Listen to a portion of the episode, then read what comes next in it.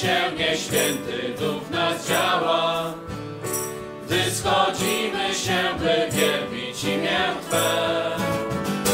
Wiemy dobrze, że gdy serca są otwarte, błogosławisz po siebie.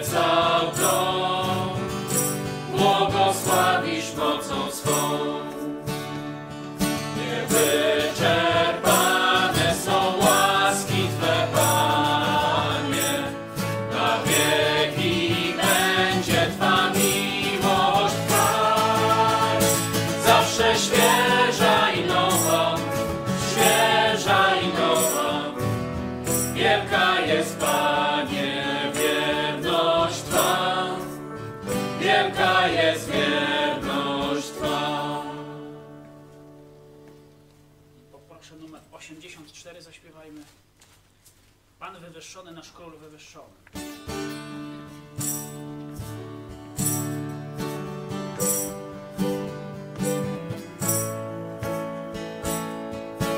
Pan wywyższony, nasz Król wywyższony wśród chwał. Uwielbiajmy Go, Pan wywyższony, nasz Król wywyższony,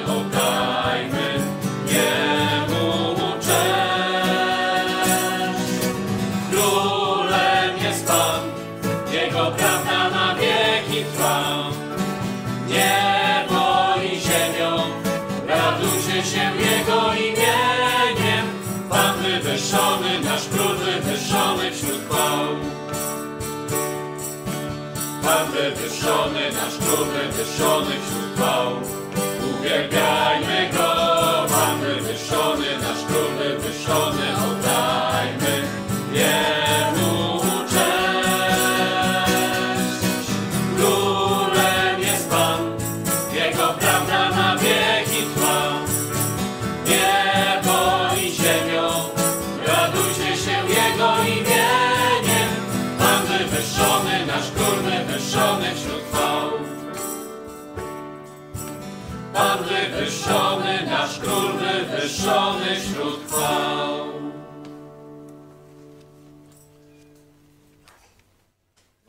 jest, że nie spotkaliśmy się tutaj, żeby wysłuchać tylko kazania. Oczywiście zawsze ono tam powinno być, ale istotą tego, co się tutaj dzieje, jest spotkanie. Nie opuszczajcie wspólnych zebrań, czyli spotkań waszych. To właśnie podaje Nowy Testament jako nazwę tego, co się dzieje w kościołach. Czyli nie są to rytuały, nie są to jakieś tajemne znaki, sakramenty, nie są to nawet jakieś poważne nauczania czy e, czytanie Biblii. To jest spotkanie wierzących w Jezusa Chrystusa. A już na tym spotkaniu oczywiście są różne elementy. Ważne więc, żebyśmy na to spotkanie przyszli z nastawieniem jak na co? Jak na spotkanie. Nie? Czyli jak idziesz na spotkanie z y, znajomymi, nie? gdzieś tam się umawiacie na mieście, to jak się przygotujesz? Nie mówię tam o stroju, nie mówię o godzinie, miejscu, y, czy jakichś tam dodatkowych obciążeniach, flaszka plus czy coś takiego. Nie o to mi chodzi. Ale kiedy myślisz o spotkaniu ze swoimi przyjaciółmi, to co sobie, jaki plan w głowie sobie układasz? Po pierwsze, myślisz, co byś chciał im opowiedzieć. Po drugie, myślisz zapewne, że bardzo fajnie spędzicie czas, że dowiesz się czegoś od nich, że może coś razem zrobicie, przeżyjecie i tak dalej.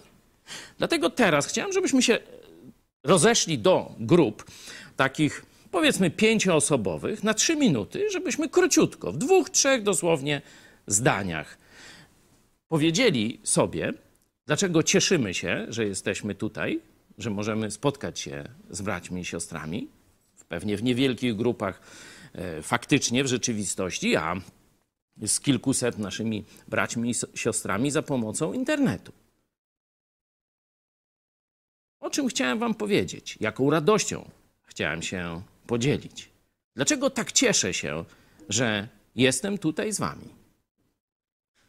Bo może masz co lepszego do roboty, to naprawdę nie należy się zmuszać. Nie należy się zmuszać. Tu powinni być tylko ci, którzy cieszą się ze spotkania z braćmi. Także podzielmy się teraz na naszym komunikatorze na grupy pięcioosobowe, dosłownie trzy minuty. Jeśli jesteście gdzieś w grupie rodzinnej, czy sami przed ekranem telewizora, to zadajcie sobie właśnie to pytanie. Czy czasem nie jest coś ciekawszego do roboty dzisiaj w niedzielę? Po co ja tu jestem? Jeśli jesteście z rodziną, wymieńcie się doświadczeniami, oczekiwaniami. Czego spodziewacie się po takim spotkaniu i dlaczego w ogóle w nim uczestniczycie? Za trzy minuty wracamy.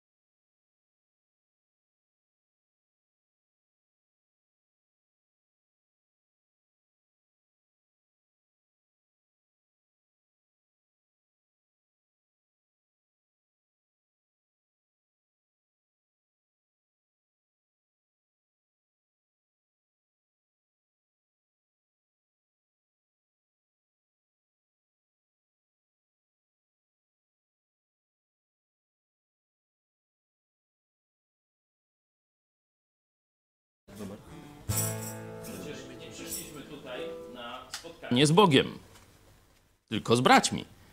Dlaczego? Bo Jezus jest z nami w każdy czas. Od momentu, kiedy zawołaliśmy do Jezusa: Jezu, ratuj, Jezu, zbaw mnie. Jezus jest w naszym życiu. On nigdy nas nie opuści. On nas doskonale obmył z grzechu. On nam dał bilet do nieba. On poszedł przygotować dla nas miejsce w niebie. Także owszem, on jest pośród nas, można powiedzieć w sposób szczególny, przechadza się na spotkaniu Kościoła, ale my nigdy nie tracimy z nim kontaktu. Także to jest taka pogańska wizja, że bogowie mieszkają w kościołach. No, czytaliśmy o tym w dziejach apostolskich niedawno e, w 17 rozdziale, kiedy właśnie do najbardziej takiego religijnego, pogańskiego miasta, do Aten, do ich elity e, intelektualnej, politycznej, naukowej, kulturalnej, apostoł Paweł przemawiał na Areopagu i mówił: Bóg nie mieszka w świątyniach, tak jak wy do tej pory myśleliście. On jest blisko każdego z nas. A w księdze Apokalipsy czytamy, że Jezus stoi i kołacze do serca każdego człowieka, dopóki ten człowiek go nie wpuści. Kiedy już puści, to Jezus jest w nas. No i teraz ciekawy wniosek. Jeśli Jezus jest w nas, to kim my jesteśmy? No bo jak Zeus jest w jakimś budynku, nie? zamknięty w puszeczce czy, czy na figurce, to co to jest? To jest świątynia Zeusa, no proste, nie? A teraz jak Jezus jest w nas, jak zaprosiłeś Jezusa do swojego życia, no to kim ty jesteś? Kim jest twoje ciało? Tak, świątynią Boga. I dlatego w Piśmie Świętym jesteśmy nazywani świątynią Ducha Jezusa Chrystusa, bo On mieszka w nas. Także warto sobie to przewartościować, kiedy myślimy o Kościele. To my jesteśmy świątynią.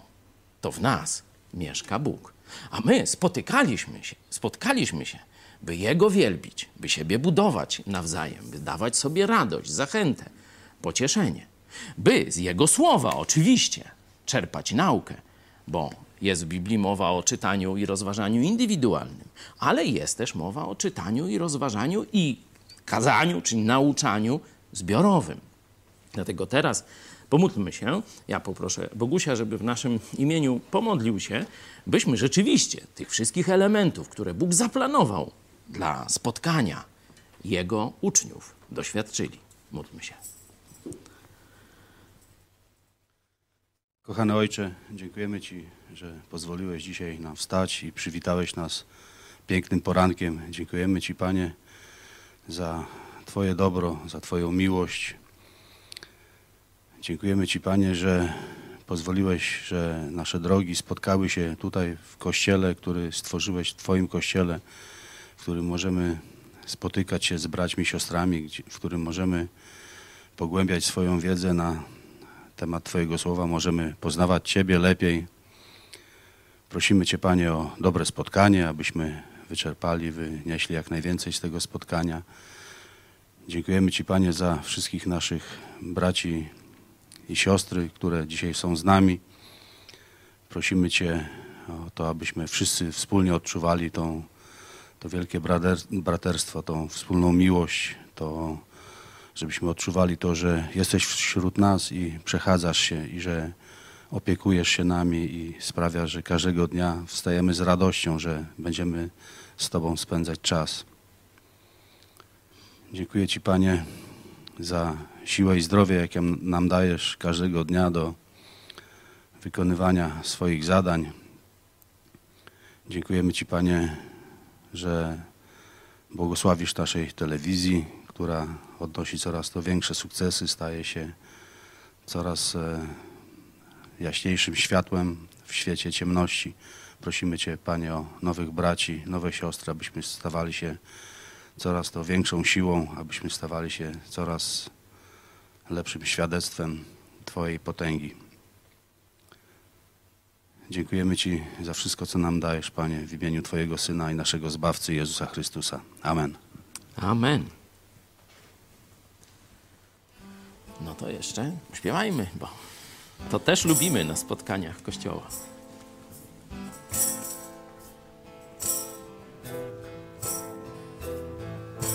Oddajmy dziś, oddajmy dziś wiecznemu Bogu cześć, wiecznemu Bogu cześć. Niech nasze serca, nasze serca wielbią Go. On stworzył niebiosa, On utwierdził ziemi krok. Scott.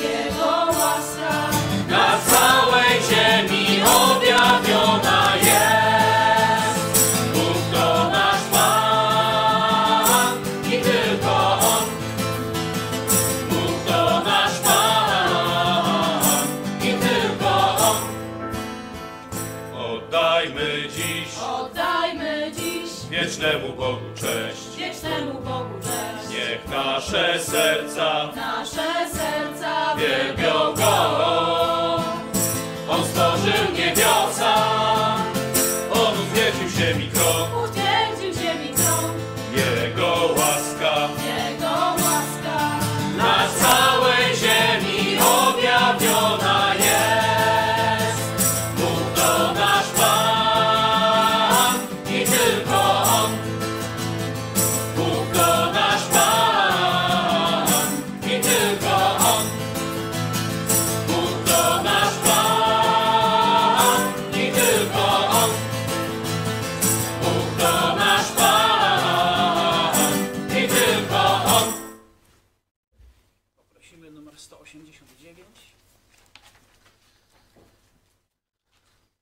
anos de economia.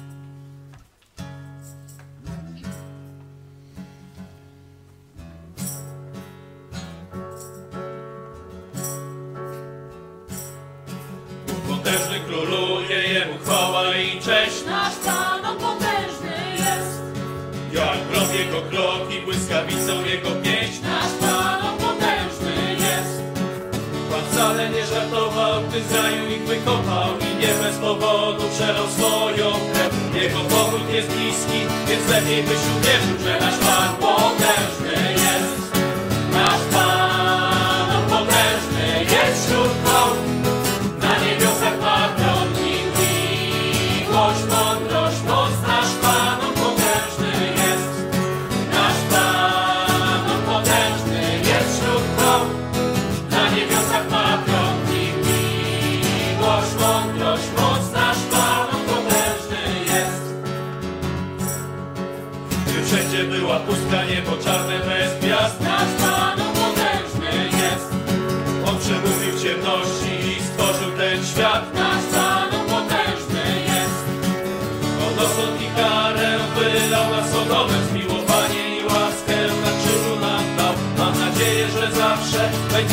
Pamiętaj, że nasz Pan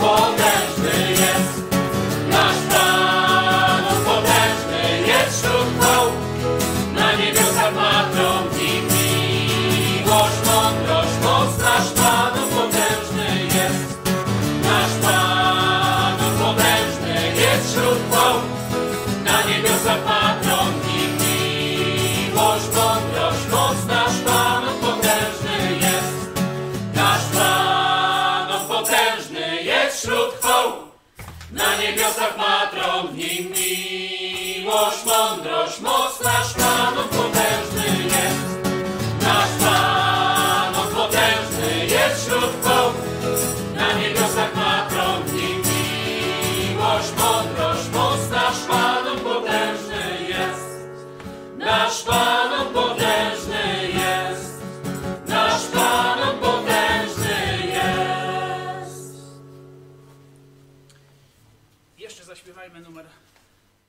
153, gdy kiedyś Pan powróci znów.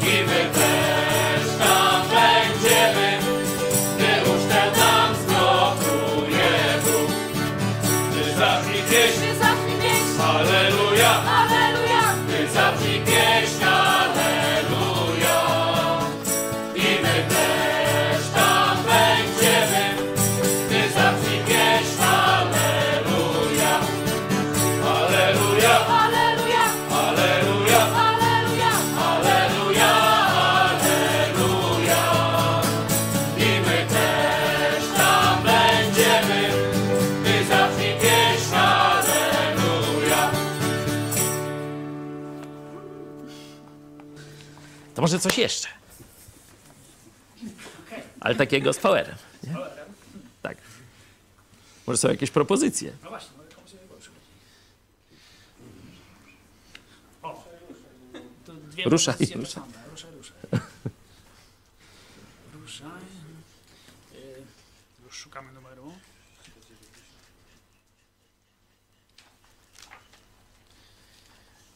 Jest, 191.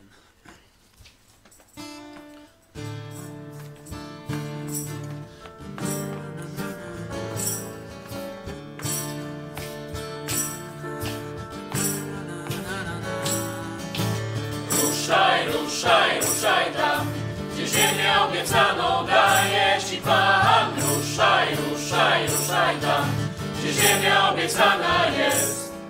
Wyruszył kiedyś tam Abram ze swego chaldejskiego powiedział, powiedział, powiedział, że przyszedł taki czas i usłyszał ruszaj, ruszaj, ruszaj tam, gdzie ziemię obiecaną daje Ci Pan. Jest.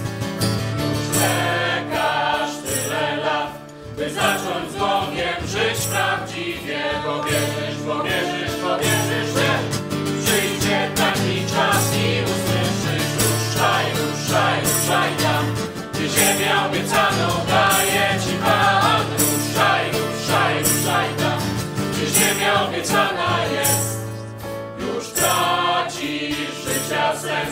masz do świata ludzi samego siebie. Lecz uwierz, lecz uwierz, lecz uwierz, że przyszedł taki czas i usłyszysz ruszaj, ruszaj, ruszaj tam, gdzie ziemię obiecaną daje Ci Pan. Ruszaj, ruszaj, ruszaj tam, gdzie ziemia obiecana jest. Ruszaj, ruszaj, ruszaj tam, gdzie ziemię obiecaną daje Ci Pan.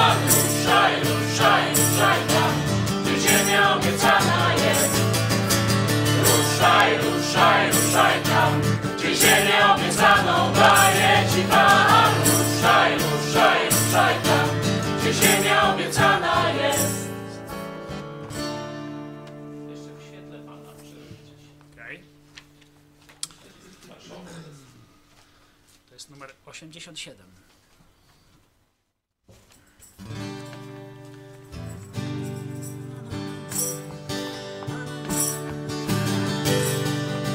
świetle Pana maszeruję dziś. Świetle Pana maszeruję dziś. Świetle Pana maszeruję dziś. Świetle Pana, świetle Pana.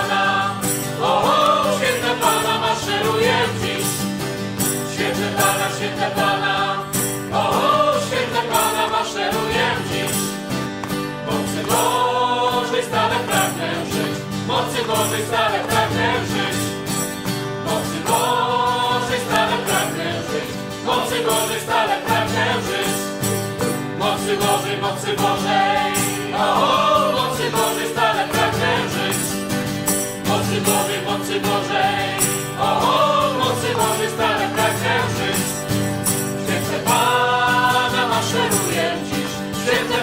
Maszeruję dziś. Święte Pana maszeruję dziś, święte Pana maszeruję dziś. Święte Pana, święte Pana, o, święte Pana maszeruję dziś. Święte Pana,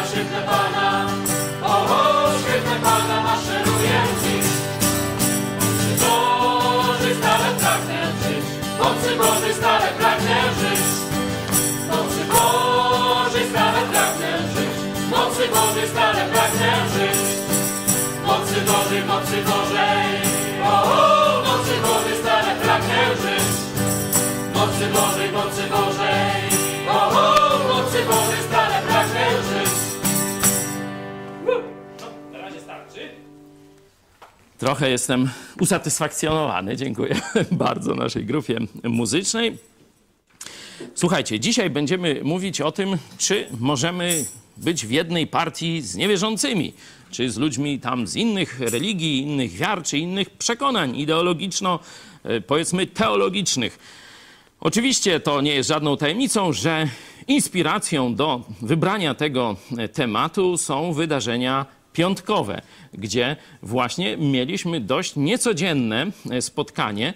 Raz, że dwóch sejmowych polityków, z których jeden był ojcem, a drugi synem, albo odwrotnie, jeden był synem, a drugi ojcem, e, no bo żeby się tam która partia nie obraziła, nie, która pierwsza, byli z różnych partii e, politycznych, no staraliśmy się zobaczyć, co mają wspólnego i czy dałoby się stworzyć jedną partię e, z nas i z tych ludzi na przykład, nie? Stąd taki był mniej więcej zamysł tego programu. Mam nadzieję, że jesteście usatysfakcjonowani, ale nie do końca. Chcielibyście jakąś dogrywkę, chcielibyście jeszcze swoje pytania zadać, chcielibyście e, trochę więcej dyskusji, a nie tylko formy wywiadu. Mam nadzieję, że to się będzie jeszcze rozwijało. Ale zanim przejdę do e, tego tematu głównego, czyli czy chrześcijanin może być z niewierzącym lub z przedstawicielem innej religii, czyli inaczej wierzącym e, w Boga, w jednej partii politycznej. Wcale nie jest to takie oczywiste, jakby się wydawało, a na pewno nie jest to oczywiste w polskiej rzeczywistości, bo zobaczcie, Bóg jest sprawą najważniejszą, a mówi się, że tam, gdzie ilu Polaków, to dwie partie. Jeden? Teraz jest nowoczesność, Boguś, już teraz wiesz, jest tak zwana dwubiegunowość, nie? I może być w dwóch partiach jednocześnie, nie? Kiedyś wystarczyło dwóch, dzisiaj już, znaczy kiedyś trzeba było dwóch, żeby dwie partie były, a dzisiaj to już może nawet, zależnie na który kanał sobie przełączy, to już tam ma całkiem inne y, poglądy, oczywiście dworuje sobie. Mm. Chciałem najpierw wrócić do wydarzenia, które też od piątku, ale już troszeczkę z późniejszego e, wieczora towarzyszy nam, czyli konferencja chrześcijańska dotycząca doradztwa biblijnego rodzinom. E, Mamy coś takiego, że organizujemy konferencje otwarte, takie, które wszyscy chrześcijanie, czy nawet niewierzący, a zainteresowani Biblią powinni poznawać. Na przykład mieliśmy konferencję kreacjonistyczną na wiosnę z Erikiem Howindem, no to zapraszaliśmy wszystkich. E, Mamy niekiedy konferencje takie ogólnochrześcijańskie, to zapraszamy wszystkich chrześcijan skupionych w projekcie Mega Kościół. Jeśli oczywiście chciałbyście dołączyć, to pisz szybciutko e, kontakt małpa megakościół.pl bez polskich znaków. Kontakt, o tu macie na ekranie, kontakt małpa megakościół.pl, ale mamy też konferencje specjalistyczne. I właśnie do, ta konferencja dotycząca małżeństw, wychowania dzieci, czy ogólnie dorad, poradnictwa biblijnego jest taką konferencją. Dlatego jeśli e, ci, którzy są jej uczestnikami, chcieliby teraz krótko jakieś swoje wrażenia powiedzieć, to zapraszam, ale naprawdę e, krótko. E, Ja powiem, bo też uczestniczę w tej konferencji. E, W ogóle nasz wykładowca jest bardzo ciekawy. To jest psycholog z najwyższej półki świeckiej. Skończył nie tylko, że tam psychologię, zrobił doktorat, ale to żeby nie było, że tam wiesz, jakoś słabo mu poszło, to zrobił dwa. Nie? czyli dwa doktoraty na świeckiej e, psychologii, no to rozumiecie, że to nie jest takie hop, siup. Ale po tym był chrześcijaninem cały czas, nie? Znaczy tam, wiecie, gdzieś nawrócił się e, wcześniej, no ale tak myślał, że będzie pomagał ludziom studiując psychologię, zgłębiając to, co nauka najlepszego ma dla e, poprawy bytu ludzkiego, poprawy dążenia do szczęścia, dobrostanu tak zwanego człowieka. Także studiował wytrwale, e, zrobił dwa doktoraty, jak powiedziałem, e, także prowadził e, poradnictwo e, takie indywidualne, aż w pewnym momencie stwierdził, że to trzeba zacząć od drugiego końca że trzeba zacząć od fundamentu, można powiedzieć, od instrukcji obsługi człowieka. Że samo badanie różnych jakichś zachowań ludzkich i próba znalezienia jakichś łączących elementów tego, to zawsze będzie nas prowadziła na duże przynajmniej ryzyko błędu, jeśli nie na bezdroża błędu. A jeśli wrócimy do Stwórcy i Jego projektu, Jego opisu, Jego zasad funkcjonowania e, tego stworzenia, jakim my jesteśmy, jakim jest człowiek, no to na pewno będziemy przy prawdzie, na pewno nie będziemy błądzić. I postanowił całkowicie zweryfikować swoje e, podejście, e, wszystko to, co do tej pory przez te robienie doktoratów, praktykę, zresztą bardzo odnoszącą sukcesy, postanowił odłożyć na bok, a jeszcze raz sięgnąć do Biblii i wyciągnąć z, jej, z niej zasady, które pomogą ludziom stanąć na właściwej drodze. Pomogą wyjść z bagna, pomogą wyjść z różnych sytuacji, w których cierpią, płaczą, patrzą na swoje dzieci i widzą, jak zmierzają w otchłań, w przepaść. Jak pomóc, poskładać coś takiego? Bardzo, bardzo ciekawe wykłady. Dzisiaj jeszcze czeka nas jeden, czy już tylko dyskusja?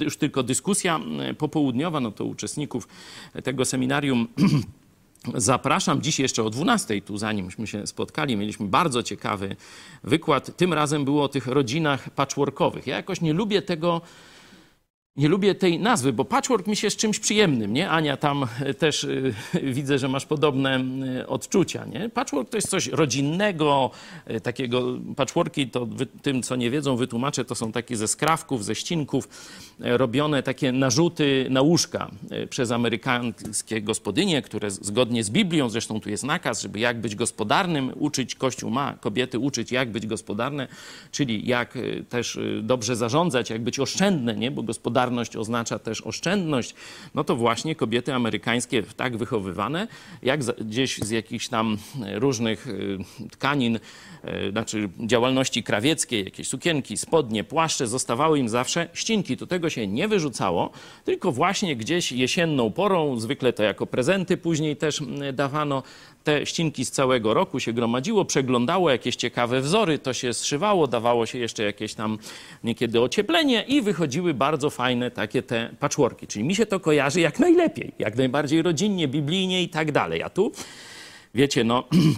rodziny, które zlekceważyły Boże nakazy, które zdradziły swoich współmałżonków, złamały śluby, nie? I to wszystko, i to się nazywa patchworkowa rodzina, nie? Ja bym jakieś lepsze, ale już nie będziemy teraz szukać, no ale chcę, żebyście wiedzieli, o czymśmy e, rozmawiali dzisiaj, a wczoraj trochę rozmawialiśmy o wychowaniu dzieci i tam e, oprócz przeróżnych błędów, jakie mogą się pojawić w rodzinie, uderzyło mnie, wow, rzeczywiście to się staje coraz e, poważniejszym problemem. Kiedyś główne nauczania e, na temat małżeństwa kierowaliśmy, żeby to nie e, kobieta była głową, tylko mężczyzna. Nie? Że, że tu jak gdyby był ten główny kontakt, kont, e, konflikt. Polska tradycja była taka, że mężczyźni szli na powstanie, a potem jak ten ruski pachołek opowiada, że gdzie to tam, że wysyłano ich na na wczasy, na wczasy na Syberię i się zajmowali i tam jeszcze im y, dostawali wikti opierunek, jedzenie i mogli podawać zwiedzanie góry i badania kartograficzne, czy jakoś y, tak mm, y, takie rzeczy. Kobiety były w tym czasie same. I no, na nich spadała cały XIX wiek, no to mamy kobiety, matka Polka tak zwany. Tu się, tu się wytworzył właśnie ten, e, ten etos takiej kobiety, która sama, ponieważ mąż jest gdzieś w Łagrze, gdzieś na Syberii, e, ona sama musi zająć się rodziną. Nie tylko dziećmi, ale całą rodziną, także dworem, niekiedy mm, majątkiem, czyli gospodarką i tak dalej, i tak dalej. No i dzielnie sobie z tym radzi. No potem ten etos przerodził się, że część mężczyzn zaczęła królewskie rządzić, czyli przy trzepaku, y, przy śmietniku. No część, no to tam pod sklepem, nie? To najbliżej, to, to tam przynajmniej daleko nie musieli chodzić i to był ich etos, no bo już byli niepotrzebni, no bo matka Polka se radziła, no to oni mogli iść na piwo, no.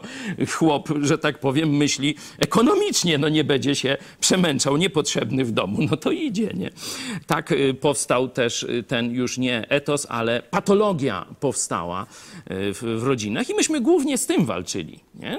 Pokazywaliśmy, że biblijny Model to jest mężczyzna, który jest opoką swojej rodziny. Nie? Który, tak jak Jezus jest dla niego opoką, tak on jest opoką, czyli taką skałą, e, takim oparciem, przywództwem, światem wartości, który porządkuje i tak dalej dla swojej rodziny. Ale okazało się, że współczesne rodziny całkowicie jeszcze wymyśliły, znaczy diabeł podsunął nowy pomysł.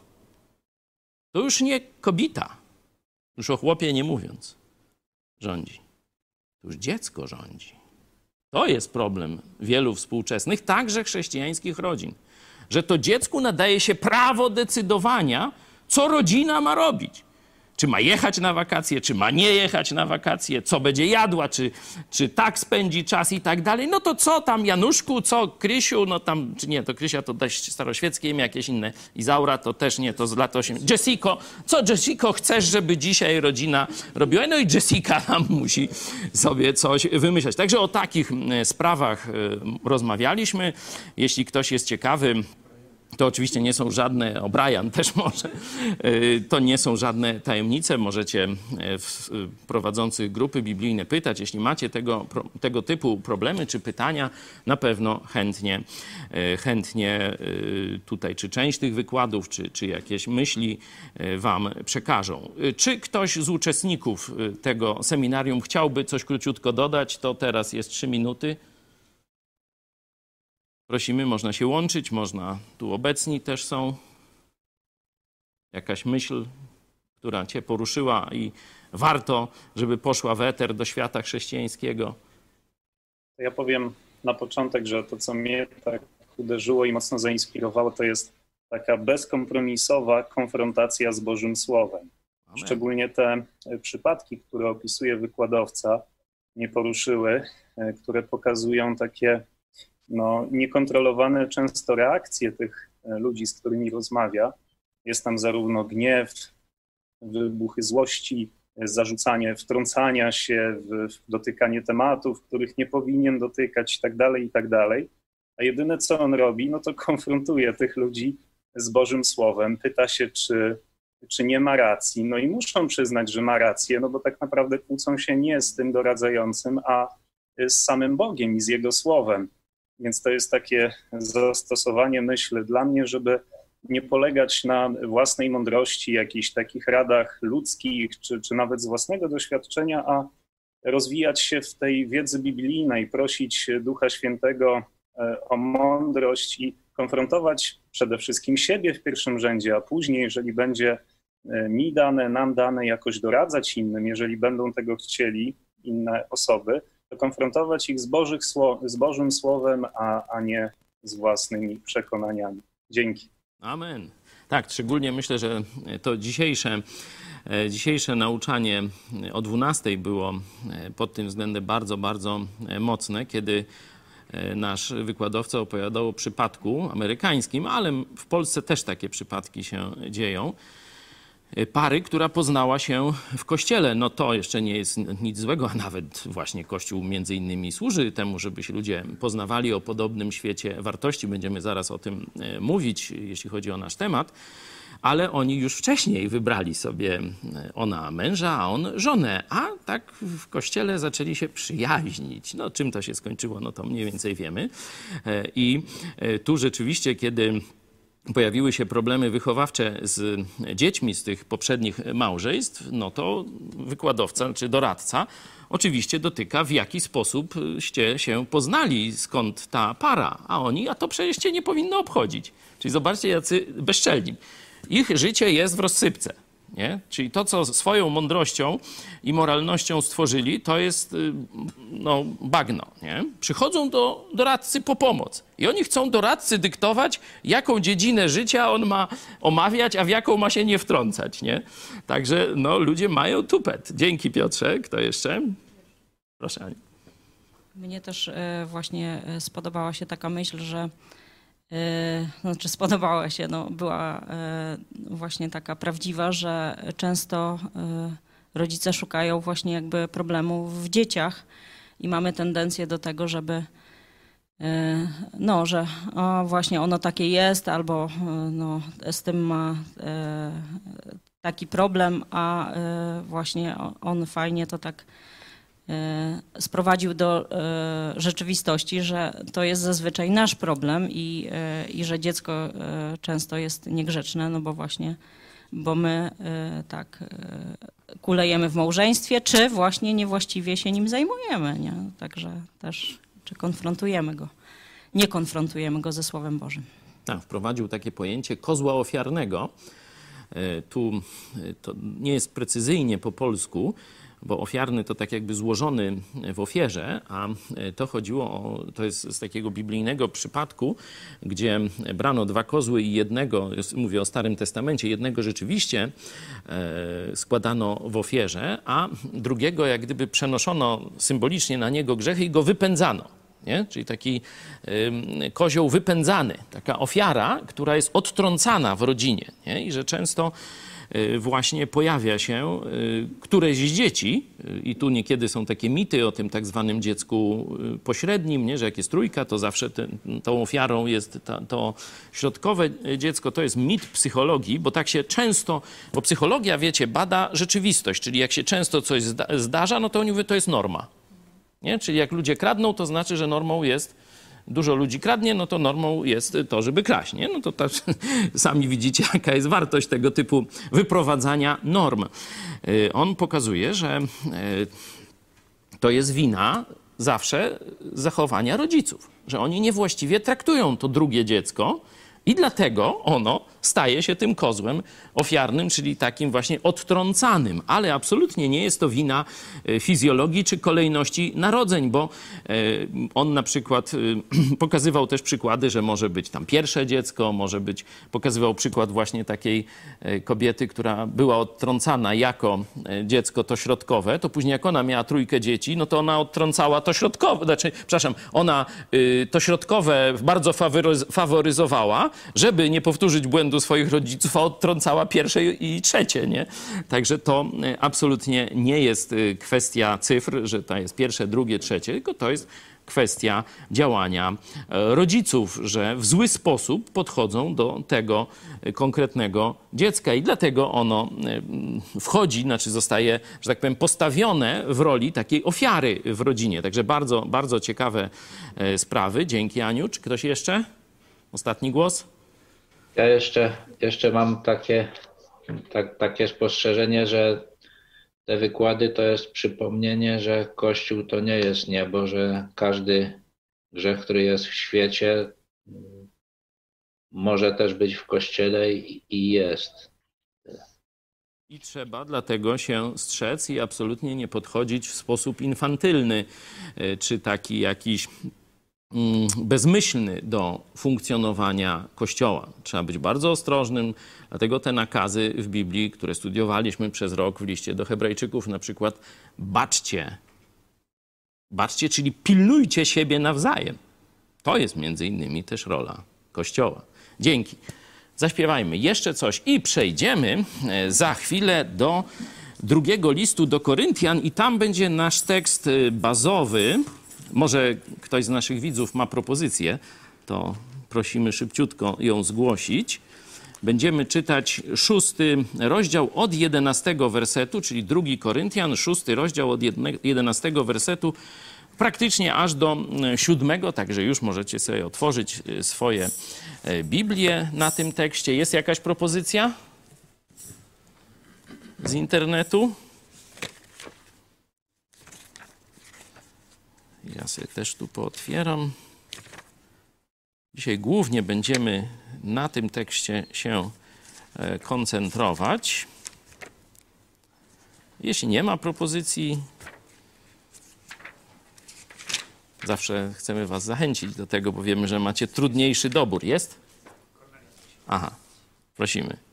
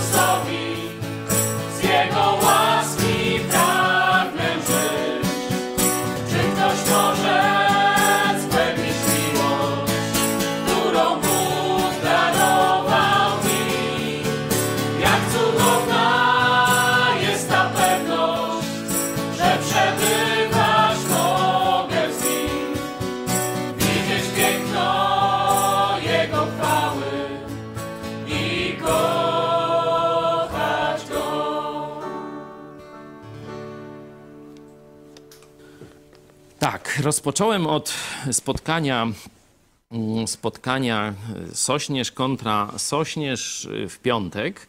E, Rzeczywiście ono wzbudziło wiele, wiele takich głosów. To jak to? Z nimi rozmawiać? O! Nie? I to, że tak powiem, y, z obu stron, może z naszej strony były to mniejsze y, głosy, y, ale też y, do mnie docierały. Nie? Także y, tu ta, takie jakieś y, ta trudność y, sytuacji, w której ludzie z różnych miejsc się spotykają i dyskutują, pokazała no, ogromną słabość naszego społeczeństwa. Nie? Zobaczcie, że to jest ten krąg chrześcijańsko-wolnościowy, to wszystko. Nie? Każda z tych sił gdzieś jakoś od y, swój punkt odniesienia gdzieś w chrześcijaństwie, nie zawsze w Biblii, bardziej w Kościele katolickim, no ale mówi, nazywa to chrześcijaństwem, a na pewno wszyscy twierdzą, że są wolnościowymi konserwatystami, patriotami i tak dalej, i tak. A zobaczcie, że niektórym z tego środowiska w ogóle się nie mieści w głowie rozmowa z innymi ludźmi, którzy różnią się od nich nie jakimś przestępstwem, Bo jakby to byli jacyś bandyci, wiecie, złodzieje, nie? No to tam, czy jakieś z burdelu, jakieś tam, nie wiem, panie czy alfonsy, no to tam wtedy można kręcić nosem, nie? Ale ci ludzie nie stoją z żadnej ze stron, nie stoją pod zarzut, zarzutem żadnego z tych przes- przestępstw, mówię ogólnie, ale już część ludzi mówi, że nie godzi się z nimi rozmawiać, bo mają takie czy inne poglądy, albo powiedzieli to czy tamto, wyrażając swoją ocenę tej osoby, czy takiego zjawiska, czy Boga, czy nie Boga, wiecie, tej ateiści, teiści i tak dalej. Nie? Stąd mamy y, problem no, ja chciałbym pokazać wzór pierwszej Rzeczpospolitej i wzór Stanów Zjednoczonych. Pierwsza Rzeczpospolita, ona była bardzo bogata, można powiedzieć, w pomysły intelektualne, ale bardzo słaba, jeśli chodzi o ich realizację. Nie? Amerykanie z kolei nie byli aż tak bystrzy, jeśli chodzi o e, pomysły takie twórcze, różne, e, filozoficzno-ideologiczne czy ideowe, jeśli chodzi o ustrój państwa, ale z kolei byli o wiele, o wiele, o wiele lepsi w realizacji nawet niekiedy mniejszych pomysłów czy gorszych pomysłów. Oni po prostu, kiedy się już na coś umówili, to jest ta, e, można powiedzieć, praktyka przymierza. Nie? Pamiętacie, cała Ameryka powstała w wyniku przymierza. Nie? Jechali sobie, postanowili przenieść się na drugi kontynent, bo tu nie mieli wolności religijnej. No, tam zapracowali pieniądze, wynajęli statek, wsiedli, popłynęli i na tym statku podpisali już takie przymierze. Jak będą żyli. Nie? No bo każdy w jakiejś zbiorowości muszą być prawa. Nie? Muszą być sposoby rozwiązywania konfliktów, musi być jakaś procedura podejmowania decyzji i tak dalej. Nie? Muszą być ustalone wartości, katalog wartości, czyli na przykład, czy można kraść, czy nie można kraść. Nie? To jest jedno z takich podstawowych pytań w zbiorowości ludzkiej. Nie? Wcale nie takie oczywiste nie? dla wielu ludzi. Nie? Czyli oni sobie zrobili takie przymierze na tym statku. I wszyscy ci, co tam chcieli to, tę nową kolonię zakładać, musieli podpisać, ale to wiecie, tam podpis to w ogóle nie miał wielkiego znaczenia, bo idea była, czy oni będą to przestrzegać. Bo porozumienie może być wspaniałe, konstytucja jakaś, nie? Może być wspaniała. Ale jeśli ludzie później nie będą wierni w jej przestrzeganiu, no to wszystko jest obić o kant okrągłu, nie, eliptycznego stołu, bo niektórzy mówią, że tu mamy okrągły stół. No jaki, jaki tego? 3,20 na 1,60 m zdaje się, takie osie, no to gdzie to z okręgiem, nie? Chyba, że ktoś ma jajko zamiast okręgu w głowie, no to wtedy mniej więcej to okrąg, nie? Także absolutnie nie jest okrągły, jest, można powiedzieć, eliptyczny albo jajowaty, tak już. Czyli my niekiedy mówimy bez jaj, no a stół, widzicie, jest z jajem, także jak to w naszej telewizji. Także pierwsza Rzeczpospolita miała wspaniałe wizje, wspaniałe pomysły. Tu przykład już nawet jeszcze z czasów Jagielonów, Paweł Włodkowic, pamiętacie jego, jego takie idee, że chrześcijaństwo może, może być propagowane tylko dobrowolnie, że nie można nikogo zmuszać do przyjęcia wiary w Chrystusa. Jest to, bo jeśli my kogoś zmuszamy do przyjęcia wiary w Chrystusa, to Włodkowic tłumaczył tym, tamtym katolikom tamtych czasów, także właśnie na Soborze w Konstancji. To co mówimy o Chrystusie? Co mówimy o tym darze zbawienia, które Chrystus daje? Że On jest zły, pokraczny, niepotrzebny. Jak trzeba siłą komuś zmuszać, no to już jest komuna. To już jest komuna. On mówił, Chrystus jest tak wspaniały, że trzeba go tylko pokazać, a część ludzi za nim dobrowolnie pójdzie, a reszta niech ma wolność. Chce, niech idzie, nie, to nie. Nie. On to tłumaczył, zobaczcie, w 1415 roku na Soborze w Konstancji, tam gdzie właśnie zamordowano Jana Husa. Nie? Także takie idee mieli. No, rzeczywiście, jeśli chodzi o to, żeby dobrowolność była, wolność, to w Polsce pod tym względem ta idea długo się trzymała. Szlachcic na zagrodzie, równy wojewodzie. Nawet jeśli nie mieli jakichś biblijnych inklinacji, to szlachta wiedziała, że jak pozwolą prześladować kolegę szlachcica, czy brata, czy jak oni mówili na innych, na szlachta, na innego szlachcica, brat, no, no w każdym razie roz, rozumieli, że on jest tym samym stanem, nie?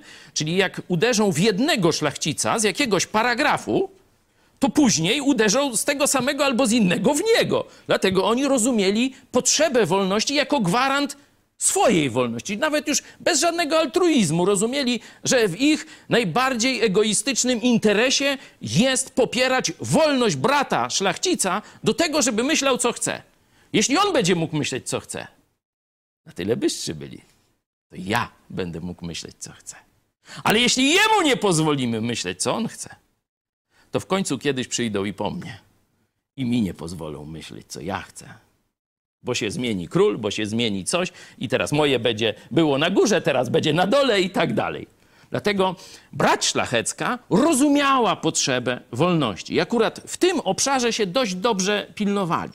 Ale już jeśli chodzi o samo państwo, no to przykładem takiej kompletnej no, jakiejś niezdolności do wprowadzenia w czyn umowy jest Konstytucja 3 maja. Że ona jest praktycznie w tym samym czasie, kiedy Konstytucja amerykańska, tam 20 parę lat, jakoś tak, nie? Nawet mniej. Yy, W tym samym czasie, zobaczcie, Konstytucja amerykańska kwitnie do dziś, a z Konstytucji 3 maja pozostały tylko obchody i mały pomnik na placu yy, litewskim. Tyle nie ma. Wyparowała. Sz- Szlachta się zgodziła, ale potem ani nic nie zrobiła, żeby wypełnić to. Na przykład była tam 100-tysięczna armia, to nie wiem, czy 20 chyba zebrali, czy mniej nawet, nie? Miało być 100 tysięcy, nie? Czy nawet 200. No w cholerę, jak to mówią, nie? A było jak kłod napłakał, nie? E, Także, bo pieniędzy nie dali, nie? Czyli wiecie, podpisać, tak, króla można na rękach nosić, wiwat tam i tak dalej, nie? Ale teraz trzeba dać kasę, a nie, to, to już zapomnij, to nie Honda albo tamci, nie? My już się wy, wyślizgamy z tego interesu. I tak można by pokazywać praktycznie Konstytucja 3 maja, jak szybko powstała, tak szybko zgasła. Nie? Bo nie było za nią właśnie tego ideowego fundamentu. To właśnie różniło Polskę w tym momencie już od Ameryki. Bo Ameryka, kiedy budowała to swoje przymierze na statku Mayflower, to to było fundamentem. I dlatego wygrali. A Konstytucja 3 maja, wiecie jaki dała fundament? Religią panującą w Polsce będzie rzymski katolicyzm, a odstępstwo będzie karane śmiercią. O tym rzadko się mówi. Taki fundament ideowy, czy można powiedzieć religijny, czy jak ktoś chce, chrześcijański dała, czy antychrześcijański lepiej, dała Konstytucja 3 maja. Dlatego zdmuchnięta została. Nic nie zrobiła. Ale Wcześniej, w wieku XVI, możemy się poszczycić taką tak zwaną Konfederacją Warszawską. I to rzeczywiście prawdziwi wolnościowcy, zarówno ze strony prawosławnej, protestanckiej i katolickiej, zebrali się na e, Sejmie i uchwalili ten dokument. Podstawą tego dokumentu, już wielokrotnie mówiłem, było to dwa punkty, że przeciwko sobie szlachcic, jeden przeciwko drugim, szabli nie wyciągnie z powodu Boga, z powodu dyskusji teologicznej, z powodu rozumienia Biblii, czyli wyznań. Nie wyciągnął nigdy szlach, szabli przeciwko sobie, czyli sprawy teologiczne mają, tak jak sprawy nawrócenia, pamiętacie, Paweł Włodkowic na początku XV wieku mówił, no to pod koniec wieku XVI pokazano, że tak samo szlachta między sobą, jak można się nawrócić do Jezusa dobrowolnie i nie wolno nikogo zmuszać, tak samo i sporów religijnych, czyli jak rozumieć posłuszeństwo Chrystusowi, nie można rozstrzygać siłą. Nie? To szlachta e, rozumiała. No i druga rzecz, że w tym państwie, które chcą razem tworzyć, nie może być dyskryminacji z powodu tego, w jaki sposób kto rozumie posłuszeństwo Bogu. Nie? Czyli, że nie będzie dyskryminacji, jeśli chodzi o dostęp do telewizji publicznej, urze- no tam telewizji nie było, ale to tam też by ją dopisali, gdyby była. Nie? Czyli do urzędów nie będzie dyskryminacji z powodu na wyznanie.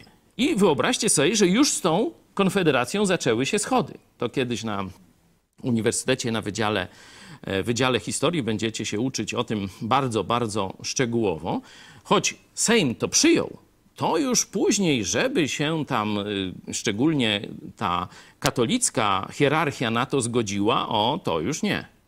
Katolicka hierarchia nie chciała się zgodzić na kon- Konfederację Warszawską, czyli na tak rozumianą wolność, zaczęła judzić szlachtę, zaczęła różne intrygi robić, żeby tylko tych postanowień nie udało się wprowadzić w życie. No i się nie udało.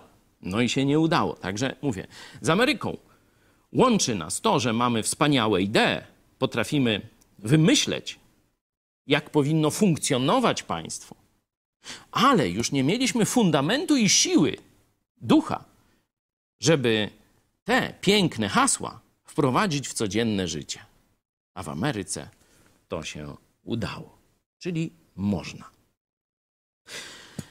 To, co się teraz y, działo w, y, po tej debacie, czy nawet przed y, tą debatą już na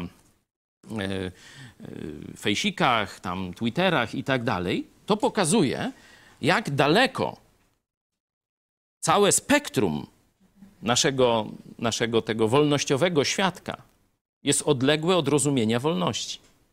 Oni rozumieją wolność i to e, tu szczególnie pan młody Sośnierz, czyli Dobromir, tam próbował walczyć, czy tam próbuje, im tłumaczy. Nie? Tam, wiecie, na, na Twitterze tam pisze różne fajne, fajne rzeczy. No jak chcesz, żebyśmy my mieli wolność prezentowania swoich poglądów, no to im daj, nie? I tak dalej, i tak dalej, nie? Tłumaczy, że wolność to nie oznacza tylko, że wolno mi się spotkać z tymi, którzy myślą tak jak ja, nie? To tak y, część, dlatego właśnie ta partia Konfederacja, tak często ją raczej kojarzymy z Targowicą niż y, z Konfederacją Warszawską, która jest najbardziej szlachetnym takim dokumentem y, polskiego tego mm, pojmowania wolności, ponieważ oni mają całkowicie sowieckie. W znacznej części oni, wiecie, mają hasła, to tak jak katolicy mają tam hasła Boga, a wyjdą z kościoła i zaraz zdradzają swoje żony i tak dalej, i różne takie tam e, rzeczy, nie? Czyli kochają małżeństwo y, takie y, katolickie, dlatego zawierają po trzy, nie? a nawet więcej, y, to dokładnie to Towarzystwo Konfederackie. y, Oczywiście są tam ludzie, tak jak właśnie pan e, Sośnierz, rozumieją wolność, ale całe tabuny, można powiedzieć, ludzi, pojęcia o wolności żadnej, żadnej i to z pełną odpowiedzialnością mówię, nie mają. Dlatego e, to jest pokłosie tego kato, kato komuny, homo sovieticus, tylko że wymachują tam jakimś sztandarkiem wolnościowym albo e, powtarzają jakieś hasełka Korwina, nie? A z prawdziwą wolnością to jeszcze daleko, daleko. Może kiedyś zrozumieją, na czym polega wolność, ale to będzie ciężki proces dla wielu. Z kolei po stronie chrześcijańskiej pojawia się e, takie, mm, no, taki zarzut, że i tutaj cała, cała tam grupa, że na przykład różni nas podejście tu i tu. Nie? Różni nas y, pojmowanie moralności tu i tu. Nie? Co jeszcze nas tam e, może różnić? Oczywiście mm, wiara w Boga nas różni, nie? że większość tego środowiska, tu obaj panowie Sośnierze, no to katolicy. Y, Dobromir chyba był bardzo taki zaangażowany w studiowanie katolicyzmu, bo y, skończył, co on skończył? Religioznawstwo? Czy? Teologię moralną, przepraszam, teologię moralną i napisał pracę magisterską y, o prymacie woli Bożej. Nie? Już tam jak tą wolę, Boże, bo, wolę Bożą znaleźć, to trochę mówił na tej dyskusji, że tu protestanci to są tacy, tacy bracia biedniejsi, że oni mają tą tylko, tylko Biblię, nie? I tacy są y, przez to upośledzeni, a y, katolicy, no to mają tych objawień do groma i se mogą wolę Bożą odczytać z każdego możle... Jaki miesiąc mamy? Święty taki, jak postrzegał wolę Bożą? Tak, albo tu. I może być i papież Pius, i papież Franciszek, którzy całkowicie inaczej postrzegają wolę Bożą, ale są katolikami i katolicy żadnych problemów intelektualnych z tym nie mają. Nie? No to takie bogactwo jest w katolicyzmie, że gdziekolwiek rzucisz, tam trafisz w dziesiątkę, czyli w wolę Bożą, bo pełnienie woli Bożej no to jest trafienie w dziesiątkę. Nie? Grzech no to jest właśnie nietrafienie w dziesiątkę. Katolicy mają rzeczywiście łatwiej, bo cokolwiek nie zrobią, no to jakiś święty się znajdzie, w ostateczności święty Franciszek albo święty tęczowiec jakiś i też to będzie wola Boża. Przypominam, że właśnie teraz jest jakaś taka afera z taką. y, no to właśnie z taką osobą, o tak powiem, która siedzi w pierdlu, bo tam kogoś pobiła. Y, I teraz na przykład księża katolicy, dwóch, y, Boniecki i jakiś jeszcze, już nie pamiętam tego drugiego, można sobie sprawdzić, stwierdzili, że ta osoba ma zostać wypuszczona, bo ona jest tęczowa. To, że tam komuś przywaliła w mordę, to nie ma znaczenia, bo jak jest tęczowa, to ma zostać wypuszczona. No taka mura to jest wola Boża, no, no bo jak, bo księża podają, no to chyba wola Boża, nie? Bo przecież katolicyzm jest tak bogaty, że on tam ma takie całe spektrum tych wól bożych, nie? My mamy biedacy tylko jedną objawioną w Biblii. No ależ już tak niech będzie z tym biedactwem, jakoś sobie e, poradzimy. Oczywiście pokazuję wam, że współpraca polityczna absolutnie nie oznacza tego, żeby e, chodzić na palcach wokół swoich poglądów. Właśnie w tej Rzeczpospolitej, gdzie jednocześnie była e, Konfederacja Warszawska, czyli powiedzieli, że nie będziemy szabel wyciągać ani dyskryminacji na urzędy robić, była jeszcze taka, czekaj, jak ona się nazywa, bo to koło Bełżyc było, tu na Lubelszczyźnie, może mi ktoś to pomoże albo znajdzie, że o, dzięki, Rzeczpospolita Babińska, tu gdzieś 30 kilometrów stąd y, mniej więcej. Głos z reżyserki mojej żony, bardzo, bardzo ci dziękuję za pomoc. Rzeczpospolita Babi Babińska, to był, można powiedzieć, kabaret ideowo-polityczny. Tam się właśnie naśmiewano z głupich, w, w, w rozumieniu tych, którzy tę Rzeczpospolitę, Rzecz- Rzeczpospolitę Babińską y, stworzyli, poglądów strony przeciwnej. Także jaja jak berety sobie robili z przeróżnych doktryn religijnych, czy politycznych, czy, czy z ludzi, którzy się kompromitowali, ale co innego humor, co innego nawet kabaret, a co innego zabijanie. To nasza szlachta doskonale rozumiała. No i teraz my musimy, my chrześcijanie, biblijni, musimy się też nauczyć akceptować w obszarze polityki ludzi niewierzących, ludzi z innych religii. W środowisku Idź Pod Prąd mamy na przykład buddystów i to bardzo wysoko postawionych. Bardzo często polemizuję z jednym buddy- buddystą. Pewnie nas dzisiaj nie ogląda, bo chyba nie wiem, czy może, nie?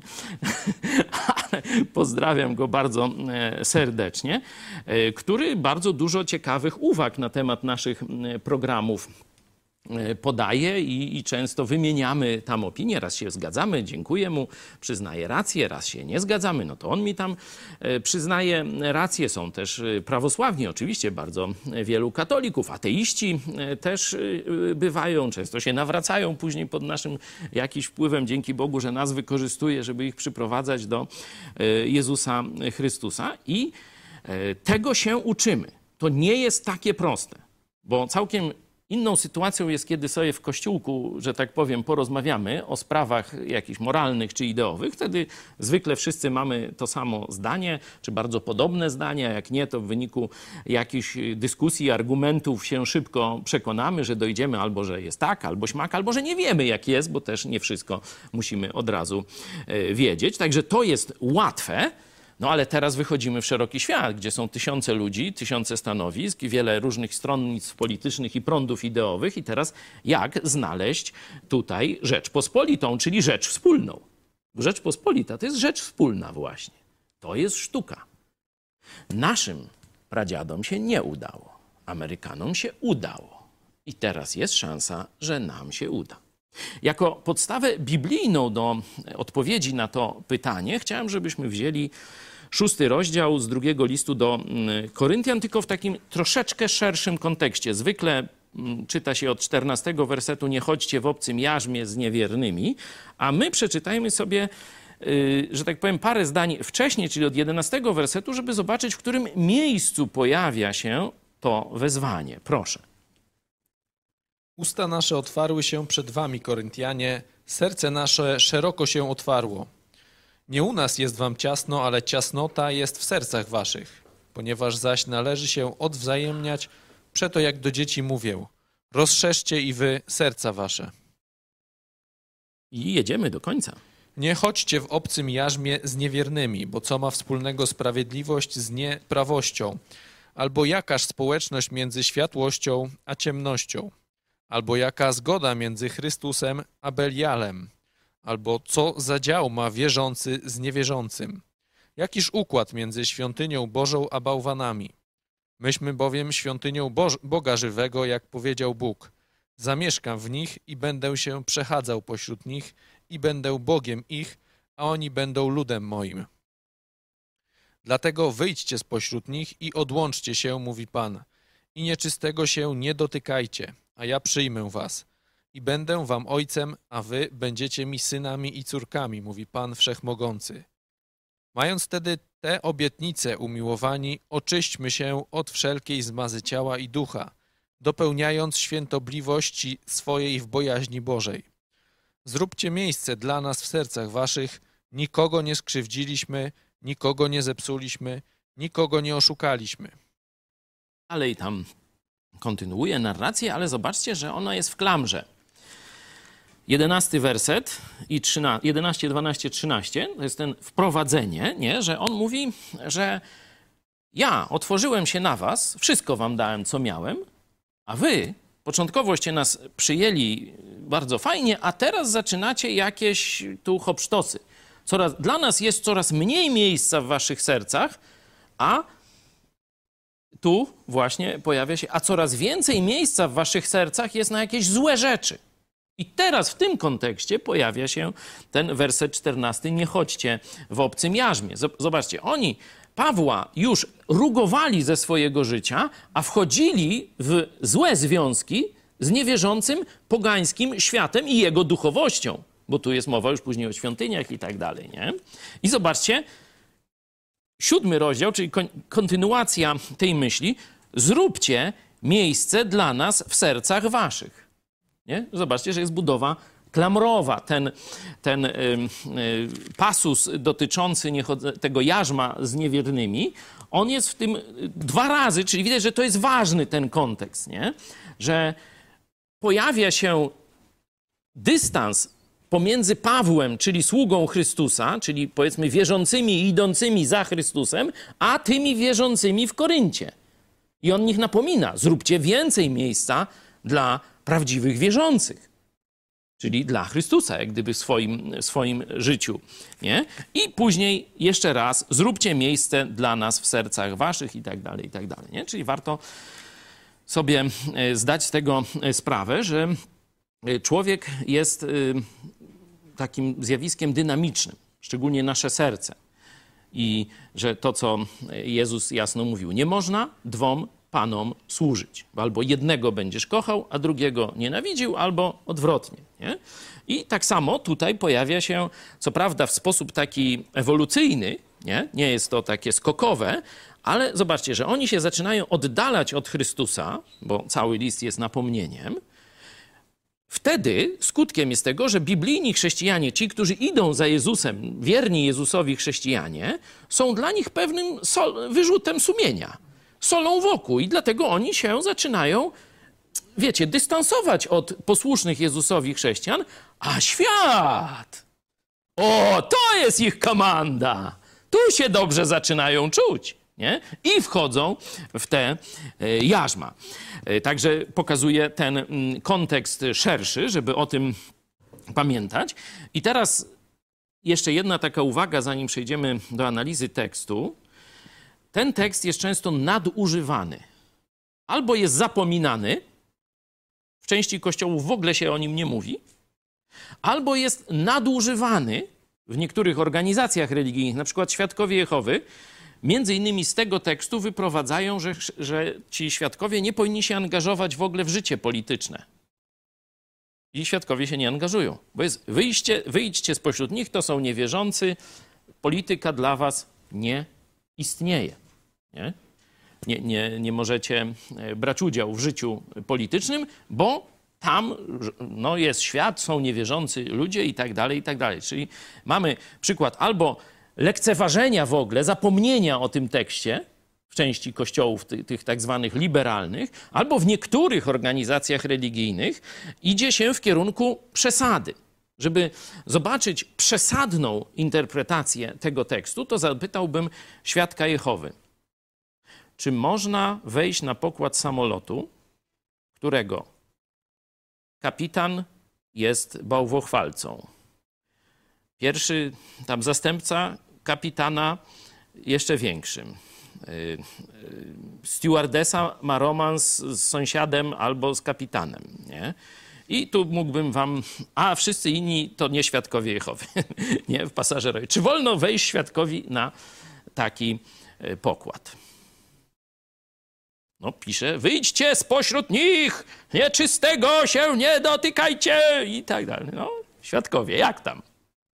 Zobaczmy apostoła Pawła w akcji. Co prawda samolotów wtedy chyba jeszcze nie było, ale było coś podobnego. No to zobaczmy.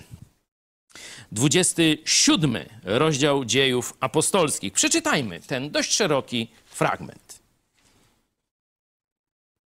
Przez wiele dni płynęliśmy wolno i dotarliśmy z trudem na wysokość Knidos, ponieważ jednak wiatr nie pozwalał nam posuwać się naprzód.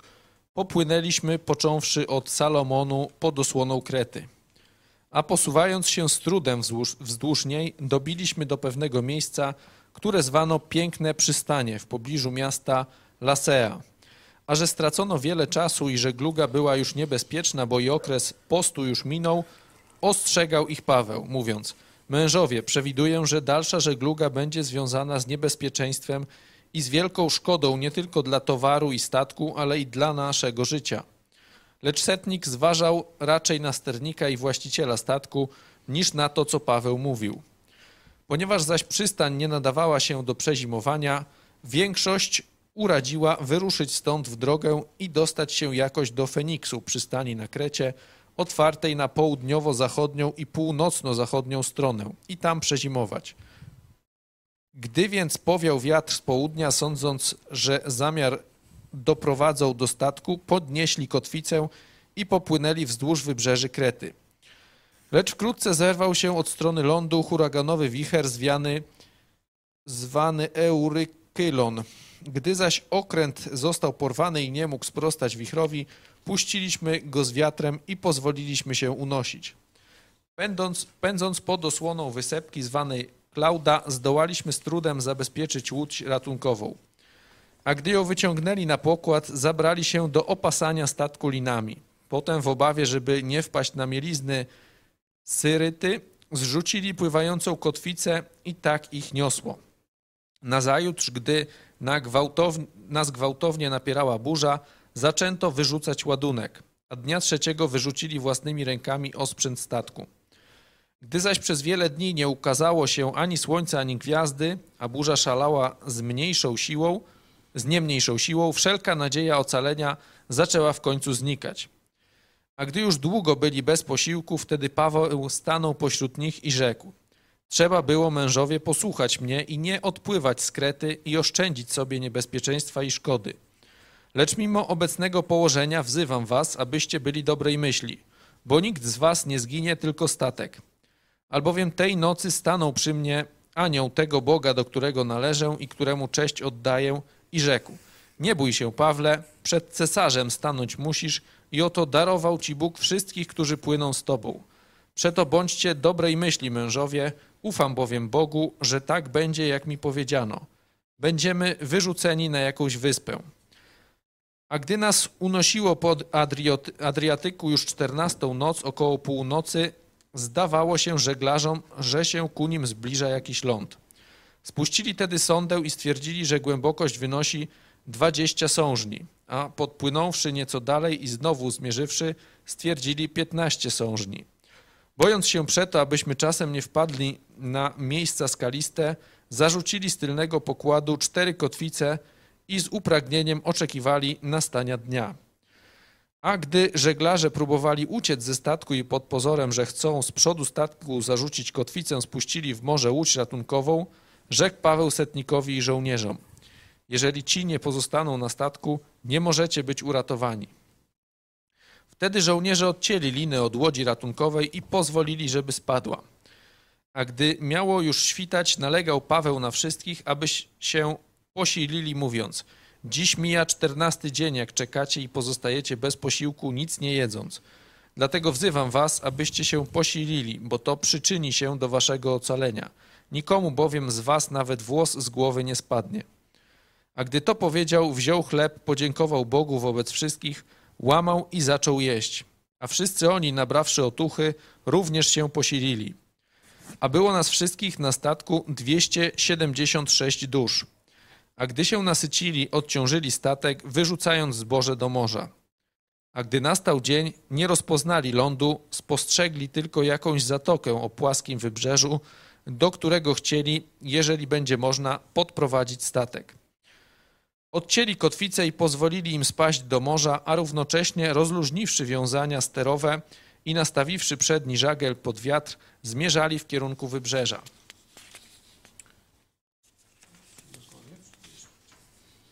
No tam ogólnie happy end, nie? Możemy, tak jak Paweł e, powiedział, tak się stało. Chciałem, żebyśmy e, z tego e, tekstu wysnuli wnioski dla nas, chrześcijan, dotyczące tej przestrzeni wspólnej. Mamy statek. No, Paweł tu jest jako więzień. Nie? Ktoś powie, że to taka sytuacja no, niedobrowolnie tam wszedł. Tak, to prawda, ale Paweł często używał statków w swoich podróżach misyjnych. Jak myślicie, były to statki chrześcijańskie? Z jakiej linii chrześcijańskiej? Proszę tych, którzy mają takie pomysły. Oczywiste, że były to statki pogańskie, należące do pogan i w której prawdopodobnie 100% załogi to byli poganie, wyznawcy przeróżnych dziwacznych bóstw, bożków, czy bożkini, czy jakieś nie wiadomo czego tam jeszcze. A jednak wsiadał, płynął z nimi i dopływał. Także myślę, że choć tu Paweł był jako więzień, to możemy te elementy wspólnego życia na statku, który niech symbolizuje e, taki nasz rejs polski, też wysnuć i wypunktować. Co widzicie? Tu zachęcam Was do dyskusji. Macie tu mikrofony, także też ich używajcie. Jakie elementy y, takiego życia wspólnego widzicie tu? No, po pierwsze, ten mm, taki postulat, żeby y, w żadną aktywność wspólną z niewierzącymi się nie y, wdawać. Tu zobaczcie, że ta aktywność jest połączeniem losów nie? Bo jak się statek zatopi, no to prawdopodobnie i chrześcijanie, i niechrześcijanie. Jak samolot spadnie, no to chrześcijanie i niechrześcijanie e, spadną. Nie? Czyli jest duża wspólnota losów, a jednak Paweł nie waha się być na tym statku. Dobrowolnie też często bywał, no i też pewne rzeczy robi razem z tymi niewierzącymi ludźmi. Jak myślicie, czy to była Eucharystia tam na koniec? No, i tak źle, i tak niedobrze. Bo jak powiemy, że Eucharystia, no to było bluźnierstwo, bo niewierzący uczestniczyli w tej, e, w tej e, Eucharystii, nie? A tak e, katolicyzm uważa, że jak ktoś tam bez tych sakramentów wcześniejszych przystępuje, to, to tam jest świętokradztwo. Nie? Tam dlatego takiego chłopaczka łapali, co tam uciekał z opłatkiem, wiecie, na mszy, nie? To tam było, że policję ksiądz do kościoła wezwał. No to to właśnie ta wiara e, tu. Jak powiedzą, że nie, nie? No to jak? No tu modlił się, łamał chleb i to nie jest Eucharystia? To jak? To nie przemieniał apostoł Paweł? Mocy nie miał tej? No jak z tej strony i z tej źle, a można normalnie powiedzieć, że to symbol, a tu Paweł się pomodlił w swoim imieniu i łamał i rozdawał, nie? Także są różne sposoby posiłków, różne też widać sposoby łamania chleba. Nie od razu musimy twierdzić, że to miało jakiś e, taki e, symbolikę e, chrześcijańską czy biblijną. Ale to sobie zostawmy. Zobaczmy te elementy społeczne, jakie tu widzicie. Ma ktoś myśli jakąś? Co może robić, czy powinien robić chrześcijanin? Jak powinno wy wyglądać zaangażowanie chrześcijanina na statku. Zobaczcie werset 29, 9 werset 27 rozdziału. A że stracono wiele czasu i żegluga była już niebezpieczna, bo i okres postu już minął, ostrzegał ich Paweł. Co robił chrześcijanin na statku wśród niewierzących? Apelował do ich rozumu. Widzicie? Ostrzegał ich. Nie? Korzystał ze swojej danej przez Boga mądrości i apelował do ich rozumu. Nie powiedział, ha, ja mam gdzieś statek i tych pogan mnie Bóg na pewno uchroni, a was niech tam, no, co mnie to obchodzi, nie? On czuł odpowiedzialność za statek. Widzicie to? Za statek pełen pogan. On się czuł, troszczył się o tych ludzi, o ich życie ziemskie. Tak jak później widzicie, kiedy daje im jedzenie, mówi już tyle dni jesteście wycieńczeni bez jedzenia. Teraz się posilmy. I daje im jedzenie. Zobaczcie, troszczy się o nich. Jest na statku i troszczy się o współpasażerów i załogę i tak dalej. Nie? To jest zadanie chrześcijan w państwie. Nie? Tu statek symbolizuje, niech nam tam jak w filmie Rejs, zobaczcie, że to przecież nie, nie używam tu jakiegoś zabronionego porównania, no bo już, y, że tak powiem, mm, w polskiej kinematografii takie porównanie zostało zrobione. To jestem na prawie, jak to się mówi. Oczywiście sobie dworuję, a Rejs polecam. Rejs polecam, obejrzyjcie. Tam właśnie to życie społeczne w pigułce y, jest pokazane. Po pijaku zrobili, ale dobrze im wyszło. No to też jest taka, y, taka, mm, no jakby to powiedzieć, stąd wyprowadza się y, mądrość, że nie zawsze po pijaku wszystko źle wychodzi. Ten film im dobrze wyszedł. Oczywiście ja nie, nie namawiam do picia, ale pokazuję go, żeby nie generalizować. Nie generalizować. Bez alkoholu ten film by nie powstał na pewno. Nie? To jest oczywista oczywistość. Nie? No ale wracamy na nasz stat statek, Paweł ewidentnie troszczy się o innych pasażerów. I co może, to robi, żeby ich ostrzec przed nadchodzącym niebezpieczeństwem. Nie ostrzega kościoła, ostrzega statek. Czyli ostrzega swoich, swoją rzecz pospolitą, swoją rzecz wspólną z innymi ludźmi. Nieważne jakiej wiary, jakich przekonań, złych czy dobrych i tak dalej. Są razem, płyną. Wszystkim zależy, żeby ten statek bezpiecznie dopłynął do portu. On ma obawy, albo wie nawet, że to jest niebezpieczne. Dlatego ich ostrzega. To jest rola, pierwsza rola chrześcijan w społeczeństwie. Ostrzegać. Niezależnie, czy oni przyjmą, czy nie, czy oni wierzą w Boga, czy nie, ostrzegać przed złem i głupotą. Ostrzegać przed złem i głupotą to chrześcijanie powinni robić jak? Publicznie. Rozumiecie? I to nie jest w kościele. To jest poza kościołem działalność apostoła Pawła.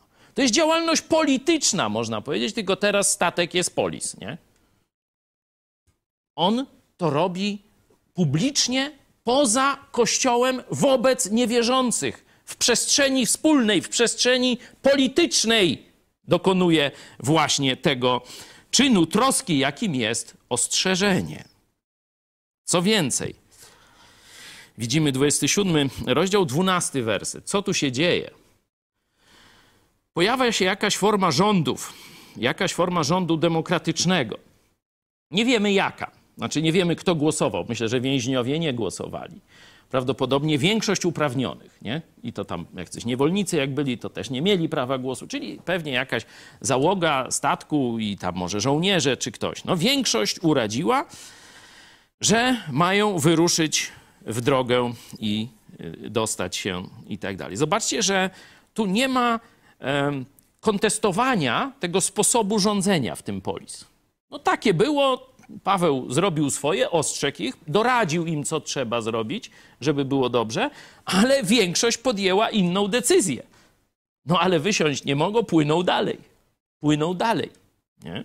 Także ważne, żeby pamiętać, że zawsze jest jakaś forma rządów. Oczywiście chcemy, żeby ona była najlepsza, a wtedy ostrzegamy, mówimy, słuchajcie, ta forma rządów to doprowadzi do tego, a ta forma to by doprowadziła do tego, wybierzcie lepiej tą, ale mamy jakąś tam sytuację zastaną, no i płyniemy razem. No to teraz rząd podjął głupią decyzję tutaj, nie? No to co, to wysiadamy z tego statku? No nie, teraz płyniemy dalej i próbujemy, pomimo głupiej decyzji rządu, ratować statek. Ludzi, nie? Co tam się da, y, da uratować jeszcze. Statek, rozumiem, jego głównie załogę, nie? Co więcej, bardzo was proszę o głosy. Jeśli macie jakieś myśli, to dodawajcie do tego, co ja mówię. Tu widzimy później upadek morale. Nie? 21 werset, zobaczcie. A gdy już długo byli bez posiłku, a wcześniej przez wiele dni nie ukazywało się słońce, a burza szalała i tak dalej, czyli wiecie, oni byli już wycieńczeni psychicznie, wymaltretowani fizycznie i tak dalej, i tak dalej. O chorobie morskiej nie mówię, bo to już pewnie przeszli dawno. Paweł stanął pośrodku i mówi: Trzeba było posłuchać mnie i nie odpływać z Krety i oszczędzić sobie niebezpieczeństwa i szkody. I zobaczcie, on nie kadzi, on mówi prawdę. Nie? Ale nie mówi tego z pozycji wyższości, tylko mówi: słuchajcie, może na podstawie tego rozpoznacie, że to była mądrość Boża, a nie jakiś tam Paweł wam gadał. Nie? Po to to mówi. Trzeba było posłuchać tego, co wam mówiłem. Nie? Lecz mimo obecnego położenia wzywam was, abyście byli dobrej myśli. Wow! To jest coś rzadkiego. Może za rzadko to robimy, bo my często radzimy, jak przeżyć, nie? jak powinno funkcjonować państwo, co zrobić z tym, co z tamtym, ale zadaniem chrześcijan jest też do, do, dodawać niewierzącym nadziei, że jest przed nami jeszcze dobra przyszłość, że możemy jeszcze coś zrobić, żeby poprawić sytuację, że nie jesteśmy w beznadziejnej sytuacji na statku. Nie? Apostoł Paweł to właśnie robi. Abyście byli dobrej myśli, i tu e, mówi dlaczego, składa świadectwo. Bóg dał mu taką mądrość. Tu przez objawienie my zwykle pokazujemy, w Biblii jest tak napisane, dlatego trzeba tak zrobić, dlatego nie będzie na przykład końca świata z powodu pierdów, jak to mówi ta szajbnięta Greta, nie? Y, Teraz podobno się z makrelą nasz już po, po Grecie rozpłaszczona tam na ścianie się zderzyła z taką potęgą, to normalnie jak z jakimś King Tigerem i po niej. Także Grecina bidna już, że tak powiem, cienkim głosem tylko gada, no już nikt się tam tymi wypocinami specjalnie nie przejmuje. No jedynie współczujemy górnikom, bo przez te bzdety rzeczywiście no, los górników, a przez to i wielu Polaków y, jest bardzo, że tak powiem, niepewny i to zamykanie kopalń to jest jedna z większych zbrodni tych wszystkich rządów okrągłostołowych, ale to będziemy mówić też w poniedziałek pewnie i dalej, i dalej. Paweł dodaje nadziei. Bądźcie dobrej myśli, ale jednocześnie składa świadectwo. Skąd on to wiedział? Skąd on wiedział wcześniej, że tak się dzieje? Z powodu Boga, do którego należę i któremu cześć oddaję. Czyli to jest taka, można powiedzieć, jasne świadectwo, ale nie natarczywe. Zobaczcie, nie? że to nie jest natarczywe, że teraz nam musisz uwierzyć, czy coś takiego. Nie, nie jest to tak zwana agresywna ewangelizacja, ale też nie unika. Skąd on wie to, co wie? Nie?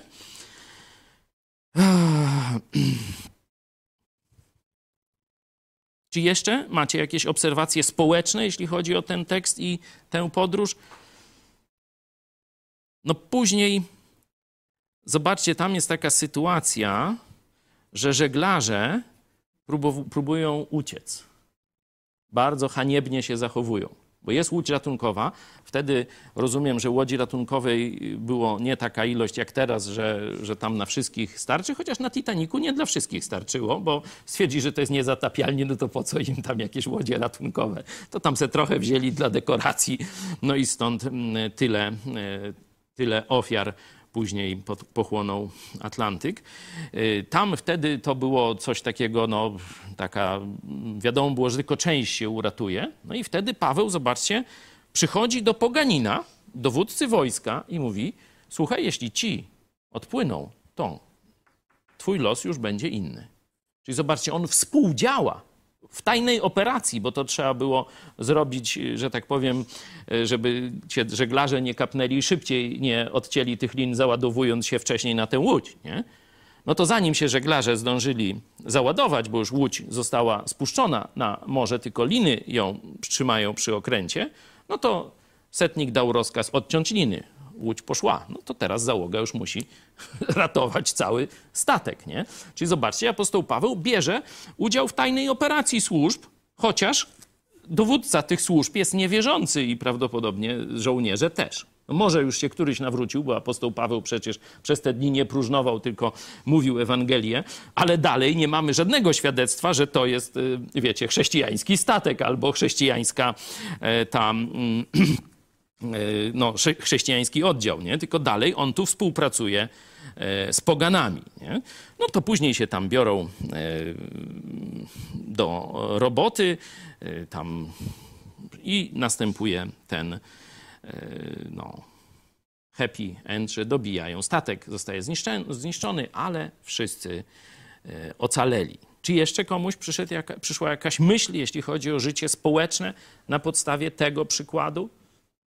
Że on tutaj nie, nie ukrywa się z Bogiem, wykorzystuje tę sytuację do może nie ewangelizacji, ale jakiejś pośredniej ewangelizacji. Mówi o Bogu, mhm. że on jest własnością tego Boga, także tak. no, na pewno myślących ludzi na tym statku zainteresuje, szczególnie jak później zobaczą, jak to się skończy. Tak. Yy, także świadectwo też oczywiście jest. On mówi też to objawienie, że Bóg mu dał yy, tych ludzi, nie? że Bóg mi dał was wszystkich, żeby, żeby oni wiedzieli, skąd jest ten ratunek. Nie?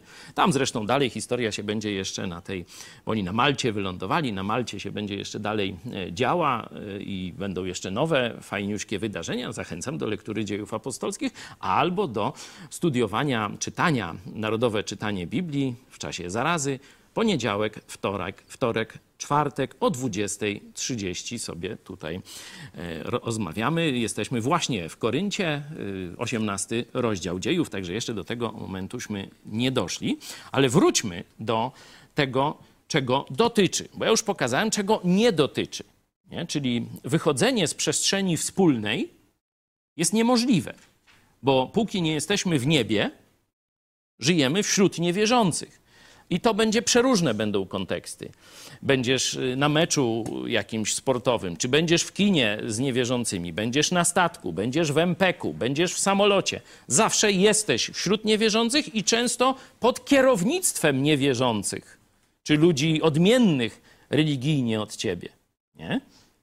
Ale i tu właśnie zaraz musimy sobie odpowiedzieć, ale czy gdzie jest ta granica, gdzie możemy wchodzić w, we wspólny świat i nawet świadkowie Jehowy, chociaż mówią, że wyszli ze wszystkiego, to dalej samolotami, czy statkami, czy tam y, tramwajami przynajmniej jeżdżą razem z niewierzącymi i tak dalej. Czyli widać, że nie są konsekwentni, jeśli chcieliby sztywno stosować te zasady.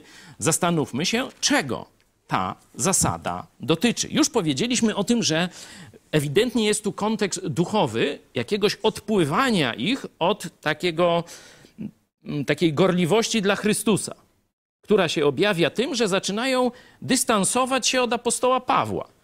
I mówią, no ten Paweł to jakiś taki zaradykalny, my sobie taki nowy rodzaj chrześcijaństwa stworzymy. Tu mamy takich kolegów y, trochę mniej wierzących, czy nawet niewierzących, ale fajniuśkich i oni mówili, że stworzymy razem taki kościół na przykład ekumeniczny, albo na przykład kościół bez przywództwa. O! I tak wszyscy razem, pełnym gazem będziemy tam przewodzić, nie?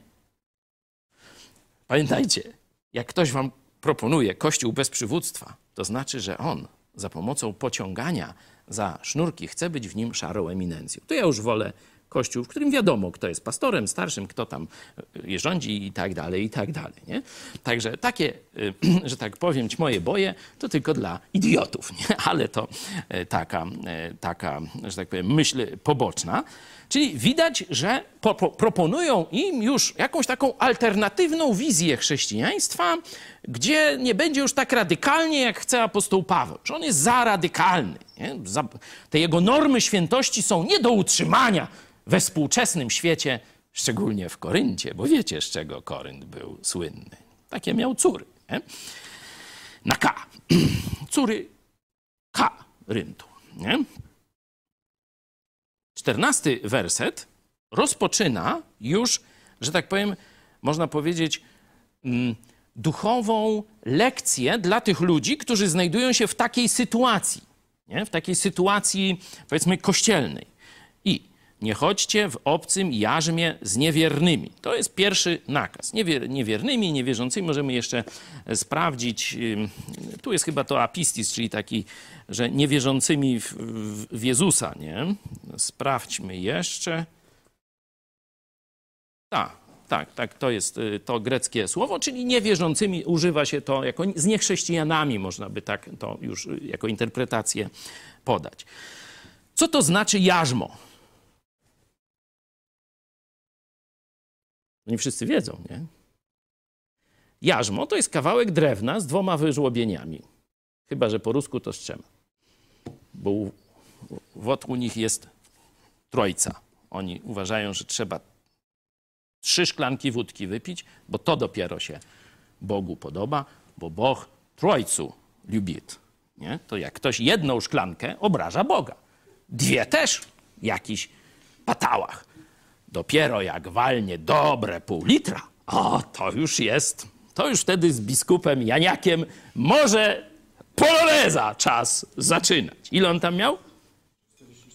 3,44 to jest tak gdzieś mniej więcej 0,7, nie? No to tak prawie, no bo szklanka stakan eta 0,2 albo 0,25 jak balszoj stakan, nie? No to tak właśnie będzie wtedy e, taki stan jak biskupa Janiaka po tym, kiedy dostał udaru. No tak się to nazywa w kręgach katolickich, udar. No tak przynajmniej napisali mu w karcie, ale dziennikarze później, że tak powiem, to wy, e, wyjaśnili. No przyjmijmy tradycyjny model, że są dwa. Zwykle to dotyczyło wołów, bo jarzmo to był ciężki e, taki, że tak powiem, rynsztunek dla woła, że on musiał wielki ciężar za sobą, e, za sobą ciągnąć. Nie? Żeby mógł uciągnąć wielki ciężar, no to to były takie kłody drewna zwykle i w jednym wyżłobieniu jednego woła się zapinało, w tym sąsiednim drugiego. Jak on już się zapiął, to co się w tym momencie działo? Nóż wod nie mógł się wypiąć. To jest pierwsza cecha jarzma. Nie? Czyli jak już wejdziesz, nie ma wyjścia. Już musisz gdzieś dojść do jakiegoś albo końca, albo się roz, wiecie, roztrzaskacie na skałach czy gdzieś, ale już nie możesz się wypiąć. To jest na stałe. Jarzmo to jest coś na stałe zakładanego. Nie? I zakładanego jest do zrealizowania jakiegoś celu, nie? do wykonania jakiejś pracy, czyli cel, że to jest na stałe i cel. Na stałe i cel. To są dwa przynajmniej e, takie wyróżniki jarzma. Nie? Czyli teraz, jak będziemy szu- szukać zastosowania tego, to musimy znaleźć związek na stałe i związek celowy, nie? który, ważne, wybieramy dobrowolnie. Na przykład, kto z was wybrał naród dobrowolnie? Iwan, Tatiana, to się zdarza, nie? To wyście wybrali, fajnie, nie ma problemu. Ale zwykle no, ktoś, naród w sensie rodu, o, nie? bo naród, Polska to jest szersze pojęcie niż etniczne, ale swój ród kto wybrał? No nikt. Nie? Każdy się rodzi w jakimś rodzie. Czyli zobaczcie, bycie Polakiem nie podchodzi tu pod ten, czy wiecie, ktoś się urodził tam ruskim, no współczujemy, ale no, cóż zrobić? No można to, to zawsze tu były szeroko wrota Rzeczpospolitej otwarte, teraz część Białorusinów właśnie pędzi tymi wrotami, albo chciałoby, żeby u nich też była Rzeczpospolita. O, wtedy to e, przekleństwo, że tak powiem, się cofnie. Gdyby rzeczywiście wolność dotarła do Rosji, taki był plan polskiej szlachty, to temu służyła wyprawa 1609. Pokonaliśmy Samozdzierżawie i teraz polska szlachta, tu hetman był jej e, emanacją, wynegocjowała pokój, żeby teraz wolność przyszła do Rosji. I Bojarzy mówi, o, My, co prawda, nie znamy słowa wolność, bo my zawsze byliśmy niewolnikami jakiegoś cara.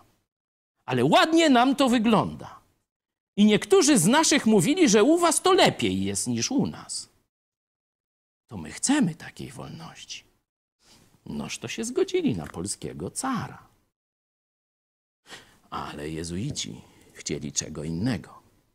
Rzym, religia katolicka chciała czego innego. No to już wiecie, jak się historia potoczyła, to teraz my jesteśmy pod okupacją rosyjską, mówiąc w pewnym uproszczeniu.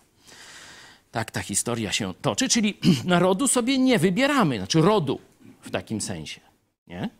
Czyli to musi być jeszcze, nie dość, że to jest, że tak powiem, na trwale związane, nie? że to jest do jakiegoś celu, to jeszcze musi być dobrowolne. Nie?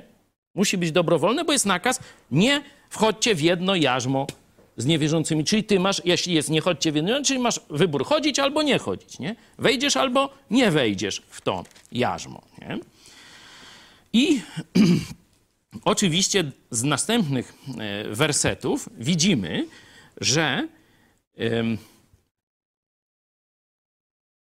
tym polem tej pracy będzie obszar duchowy. Zobaczcie. Mówi, jaka wspólnota między światłością a ciemnością, jaka zgoda między Chrystusem a Belialem, albo co za dział, co wspólnego w tym sensie duchowym ma wierzący z niewierzący, jaki układ między świątynią Bożą a bałwanami. Nie? Czyli tu musi być czynnik duchowy, musi wejść w to, nie? bo układ między świątynią Bożą a bałwanami. Wejście na pokład samolotu nie jest układem między świątynią Bożą a bałwanami jest wspólną tymczasową umową na dotarcie z punktu A do punktu B. I tyle. Nie? Tak samo jak z tramwajem, choć y, tramwaj nie jeździ tam, gdzie chce, tylko do tyłu albo do przodu, chyba że ma rozjazd. Nie? Czyli teraz spróbujmy zastosować to, znaleźć. Już wiemy, że, że statek, samolot, życie w jednym państwie to nie jest ten wybór. Nie? To nie jest to jarzmo. Czyli co może być tym jarzmem? Pierwszy taki punkt, kiedy, który pojawia się, bo tu oczywiście jakimś symbolem jest naród wybrany. Nie? Często do niego się odnosi Nowy Testament. Naród wybrany, kiedy sobie tam chodził po pustyni, miał różne różne, że tak powiem, odpały, nie? Tam się buntował, se złote cielce robił, pomysły miał takie, chciał zawracać, żeby ogórki jeść z powrotem w Egipcie, gdzie tam na oczy ich nie widział, ale sobie tak wyobrażali, bo w rzeczywistości tylko cięgi dostawali regularnie tam, ale twierdzili, że mieli bardzo dobrze. No to już to można porównać część naszego społeczeństwa, który tęskni za komuną albo za Jeruzalem, albo za różnymi takimi e, komunistycznymi, że tak powiem, niedogodnościami. Nie? Pierwszy taki kontakt, gdzie można by szukać analogii, to jest, pamiętacie, taki prorok i jego mówiąca e, oślica, Bileam. Nie? Kiedy jeden z tych narodów, który, mm, do którego dotarli ci wędrujący po pustyni Izraelici, chciał sobie poradzić, wynajął proroka. Nie? A Bóg przemówił przez jego oślicę. No, w każdym razie, co on, żeby przeklął Izraela, no to oni przegrają wojnę i ten naród, y, ten pogański się uchroni. No co on zaczyna mówić? No to zaczyna błogosławić. No mówi, co ty zapłaciłem ci za błogosławienie, za, czy za przekleństwa, ty ich błogosławisz? Co ty robisz, nie? E, także e, tu, e, że tak powiem, na poziomie tym duchowym nie udało się nic zrobić, ale potem, kiedy on już mm, się bierze do drogi powrotnej, mówi: Słuchajcie, jest pewien sposób. Ja was, ja nie przeklnę tego narodu, bo nie mogę, no bo co ja zaczynam mówić głosem Boga, no to on błogosławi temu swojemu narodowi wybranemu. Także tu nie, nie tego. Ale mam dla was plan. Dorzućcie jeszcze tam sakiewkę, to to wam powiem, jak pokonać tych Żydów. No to dorzucają. A on mówi: dajcie im za żony swoje kobiety. I tu przechodzimy do filmu Psy, tylko nie pamiętam, czy je, filmu Psy jeden czy dwa. Ile? Słucham? Ilu porządnych? Pamiętacie tę frazę? Słucham? Ilu porządnych facetów? Słucham? Zmarnowało się przez głupie baby.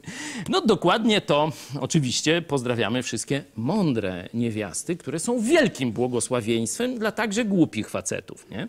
To żeby było symetrycznie, bo głupich facetów też niestety jest e, co niemiara i tylko niekiedy egzystują dzięki mądrym żonom.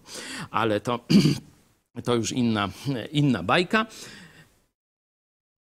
Rzeczywiście ten pogański naród daje Żydom kobiety. I oni się na ten haczyk łapią. Ten schemat się będzie powtarzał.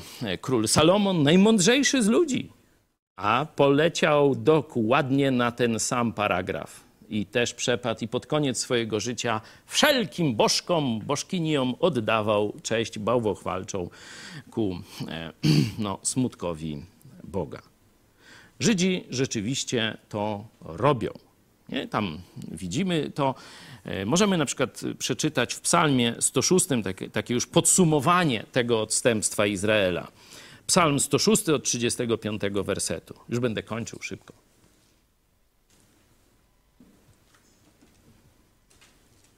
Ale zmieszali się z poganami i nauczyli się ich czynów. Oddawali cześć ich bałwanom, które stały się dla nich pułapką. Ofiarowali demonom synów swych i córki swoje. Wylewali krew niewinną, krew synów i córek swoich, które ofiarowali bałwanom Kanaanu i skalana była ziemia krwią. Splugawili się czynami swoimi i cudzołożyli postępkami swymi. Tak, to słowo cudzołóstwo jest najczęściej używane, jako, jeśli chodzi o niewierność duchową ludu Bożego. Zarówno w Starym, jak i w Nowym Testamencie też ono się e, pojawia. No, kontekst jest właśnie małżeński. Apostoł Paweł mówi do Koryntian: Zaślubiłem was z jednym mężem i chcę stawić przed nim dziewicę czystą, dlatego chronię was przed grzechem, dlatego taki ostry jestem, żebyście nie poszli w szkodę i tak dalej. Czyli pierwszy, pierwszy kontekst, jaki pojawia się cudzołóstwa z, z poganami, czy jakiegoś złego związku z poganami, to, jest, to są związki małżeńskie. Seksualne związki i związki małżeńskie, które prowadzą do przejęcia obyczajów, które prowadzą nieuchronnie nawet najmądrzejszego człowieka na ziemi, a nikt z nas nie jest tak mądry jak Salomeusz. Stąd zapewniam każdego chłopa, każdą kobietę, która weźmie chrześcijanina, którzy weźmiecie sobie niewierzących, tak jak wy, czy wierzących inaczej, czy w ogóle niewierzących mężów, czy żony, że przejmiecie ich obyczaje, przejmiecie ich myślenie. Nie ma takiej opcji, by to się nie stało. Także pierwszym tym zastosowaniem dla nas to jest niewchodzenie w trwałe związki małżeńskie, które nieuchronnie prowadzą do przejęcia e, tego e, pogańskiego, powiedzmy z punktu widzenia chrześcijańskiego, myślenia drugiej strony. Oczywiście część chrześcijan powie, no ale dlaczego to ja mam od niej przejąć? To, on ode, to ja nawrócę tego swojego. A to go najpierw nawróć, a potem poślub.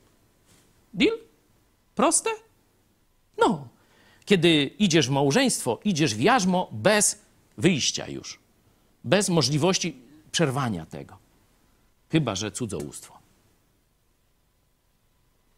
Czyli straszny grzech i cierpienie później dla wielu ludzi, często dzieci i tak dalej. Małżeństwo to bardzo poważna sprawa. Dlatego absolutnie chrześcijanin nie może rozważać małżeństwa z osobą, która nie kocha tak jak on Jezusa Chrystusa. Bo jeśli w to pójdzie, to odejdzie od Jezusa Chrystusa. Nie wiemy tylko w jakim stopniu. Tak przedstawia Biblia. Nie ja to wymyśliłem, tylko taki schemat przedstawia Biblia. Dalej możemy szukać, gdzie jeszcze jest zastosowanie tego, nie wchodzenie w to obce, trwałe jarzmo. Kościół to jest drugi ten obszar cudzołóstwa. Czy może Kościół składać się z wierzących i niewierzących. No nie może. Niektórzy mają do nas pretensje, że my nie przyjmujemy. Mieliśmy taki zjazd kiedyś, idź pod prąd i tam przyjeżdżają wierzący i niewierzący, nie? No i ze względu na to, że to jest długi, długa droga i tak dalej, no to tych, którzy uwierzyli w Jezusa Chrystusa, no to dajemy im okazję, żeby przyjęli chrzest, nie? No bo to musimy fizycznie być razem, nie?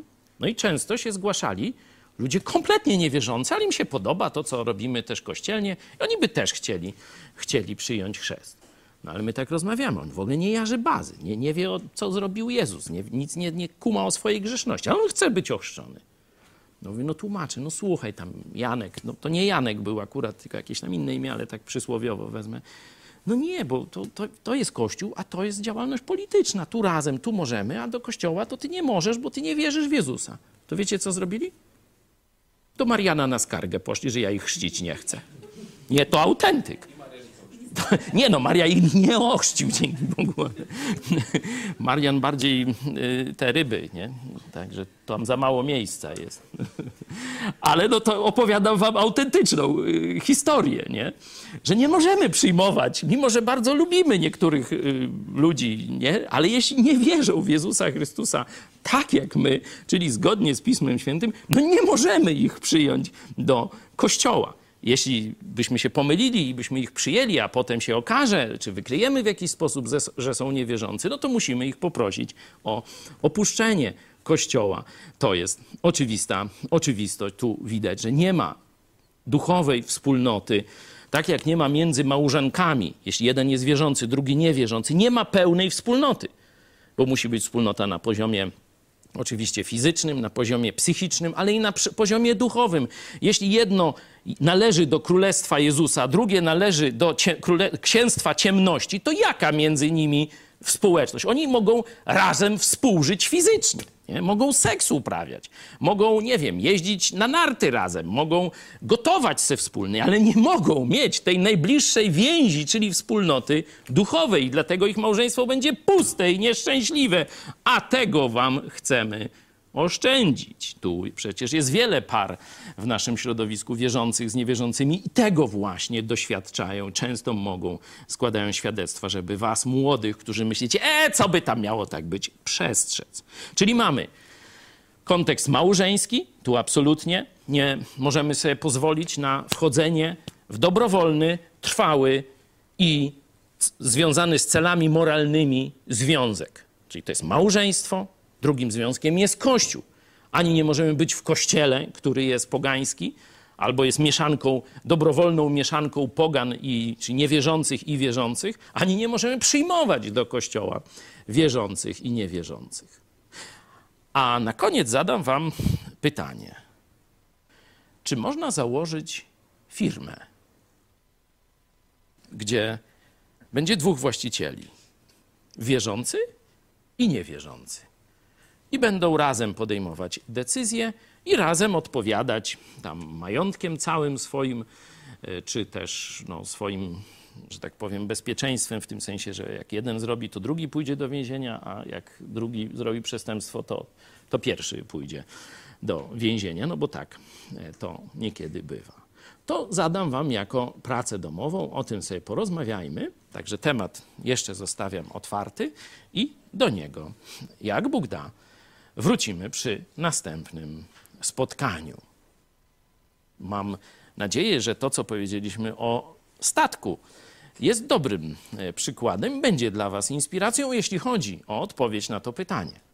Czy możemy być w jednej partii politycznej wierzący z niewierzącym?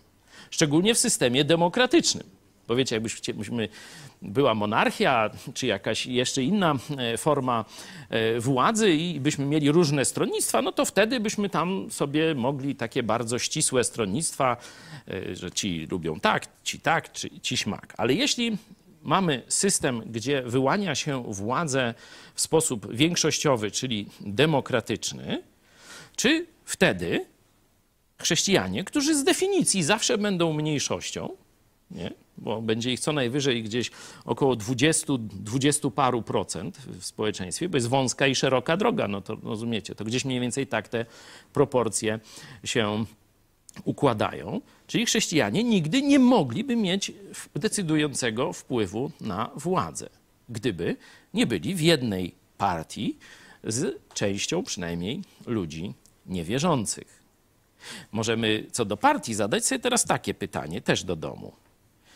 Czy jeśli by był wybór szefostwa partii, nie? prezesa czy coś takiego, i byłby kandydat sprawny politycznie, sprawdzony jako przywódca, ale niewierzący w Jezusa Chrystusa, czy przynajmniej niewierzący tak jak my, i drugi bardzo bogobojny chrześcijanin, ale kompletnie jeszcze nieporadny w polityce, to na kogo byś zagłosował?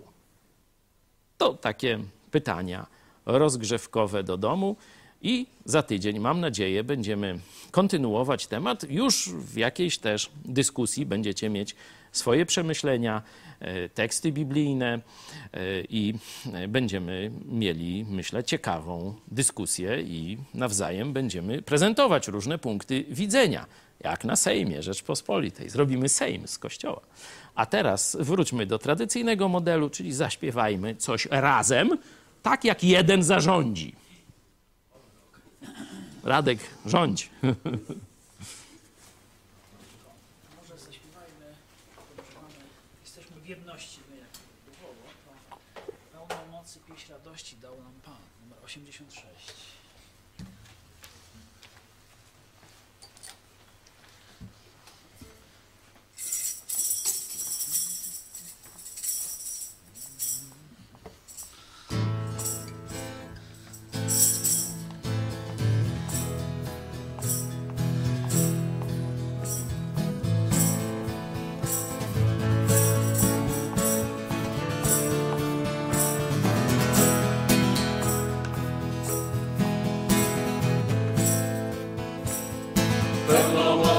pieśń radości dał nam Pan.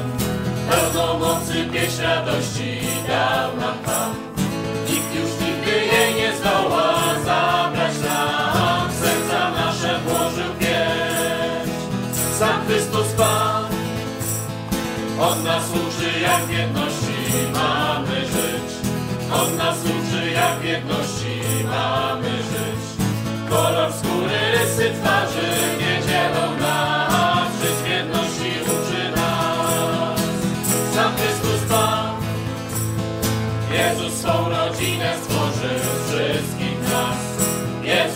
rodzinę stworzył wszystkich nas. Jak miłować się na co dzień uczy nas. Swą rodzinę stworzył z nas. Sam Chrystus Pan. Pan zamienia w taniec wszelki smutek płacz. Pan zamienia w taniec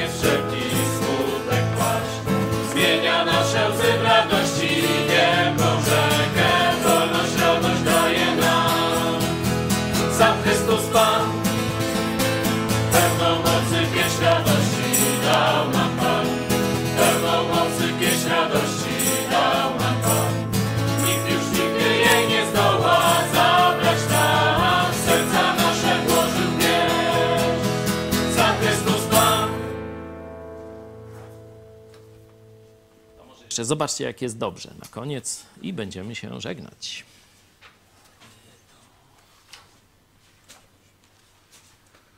Musimy tylko znaleźć, który to jest numer. 127.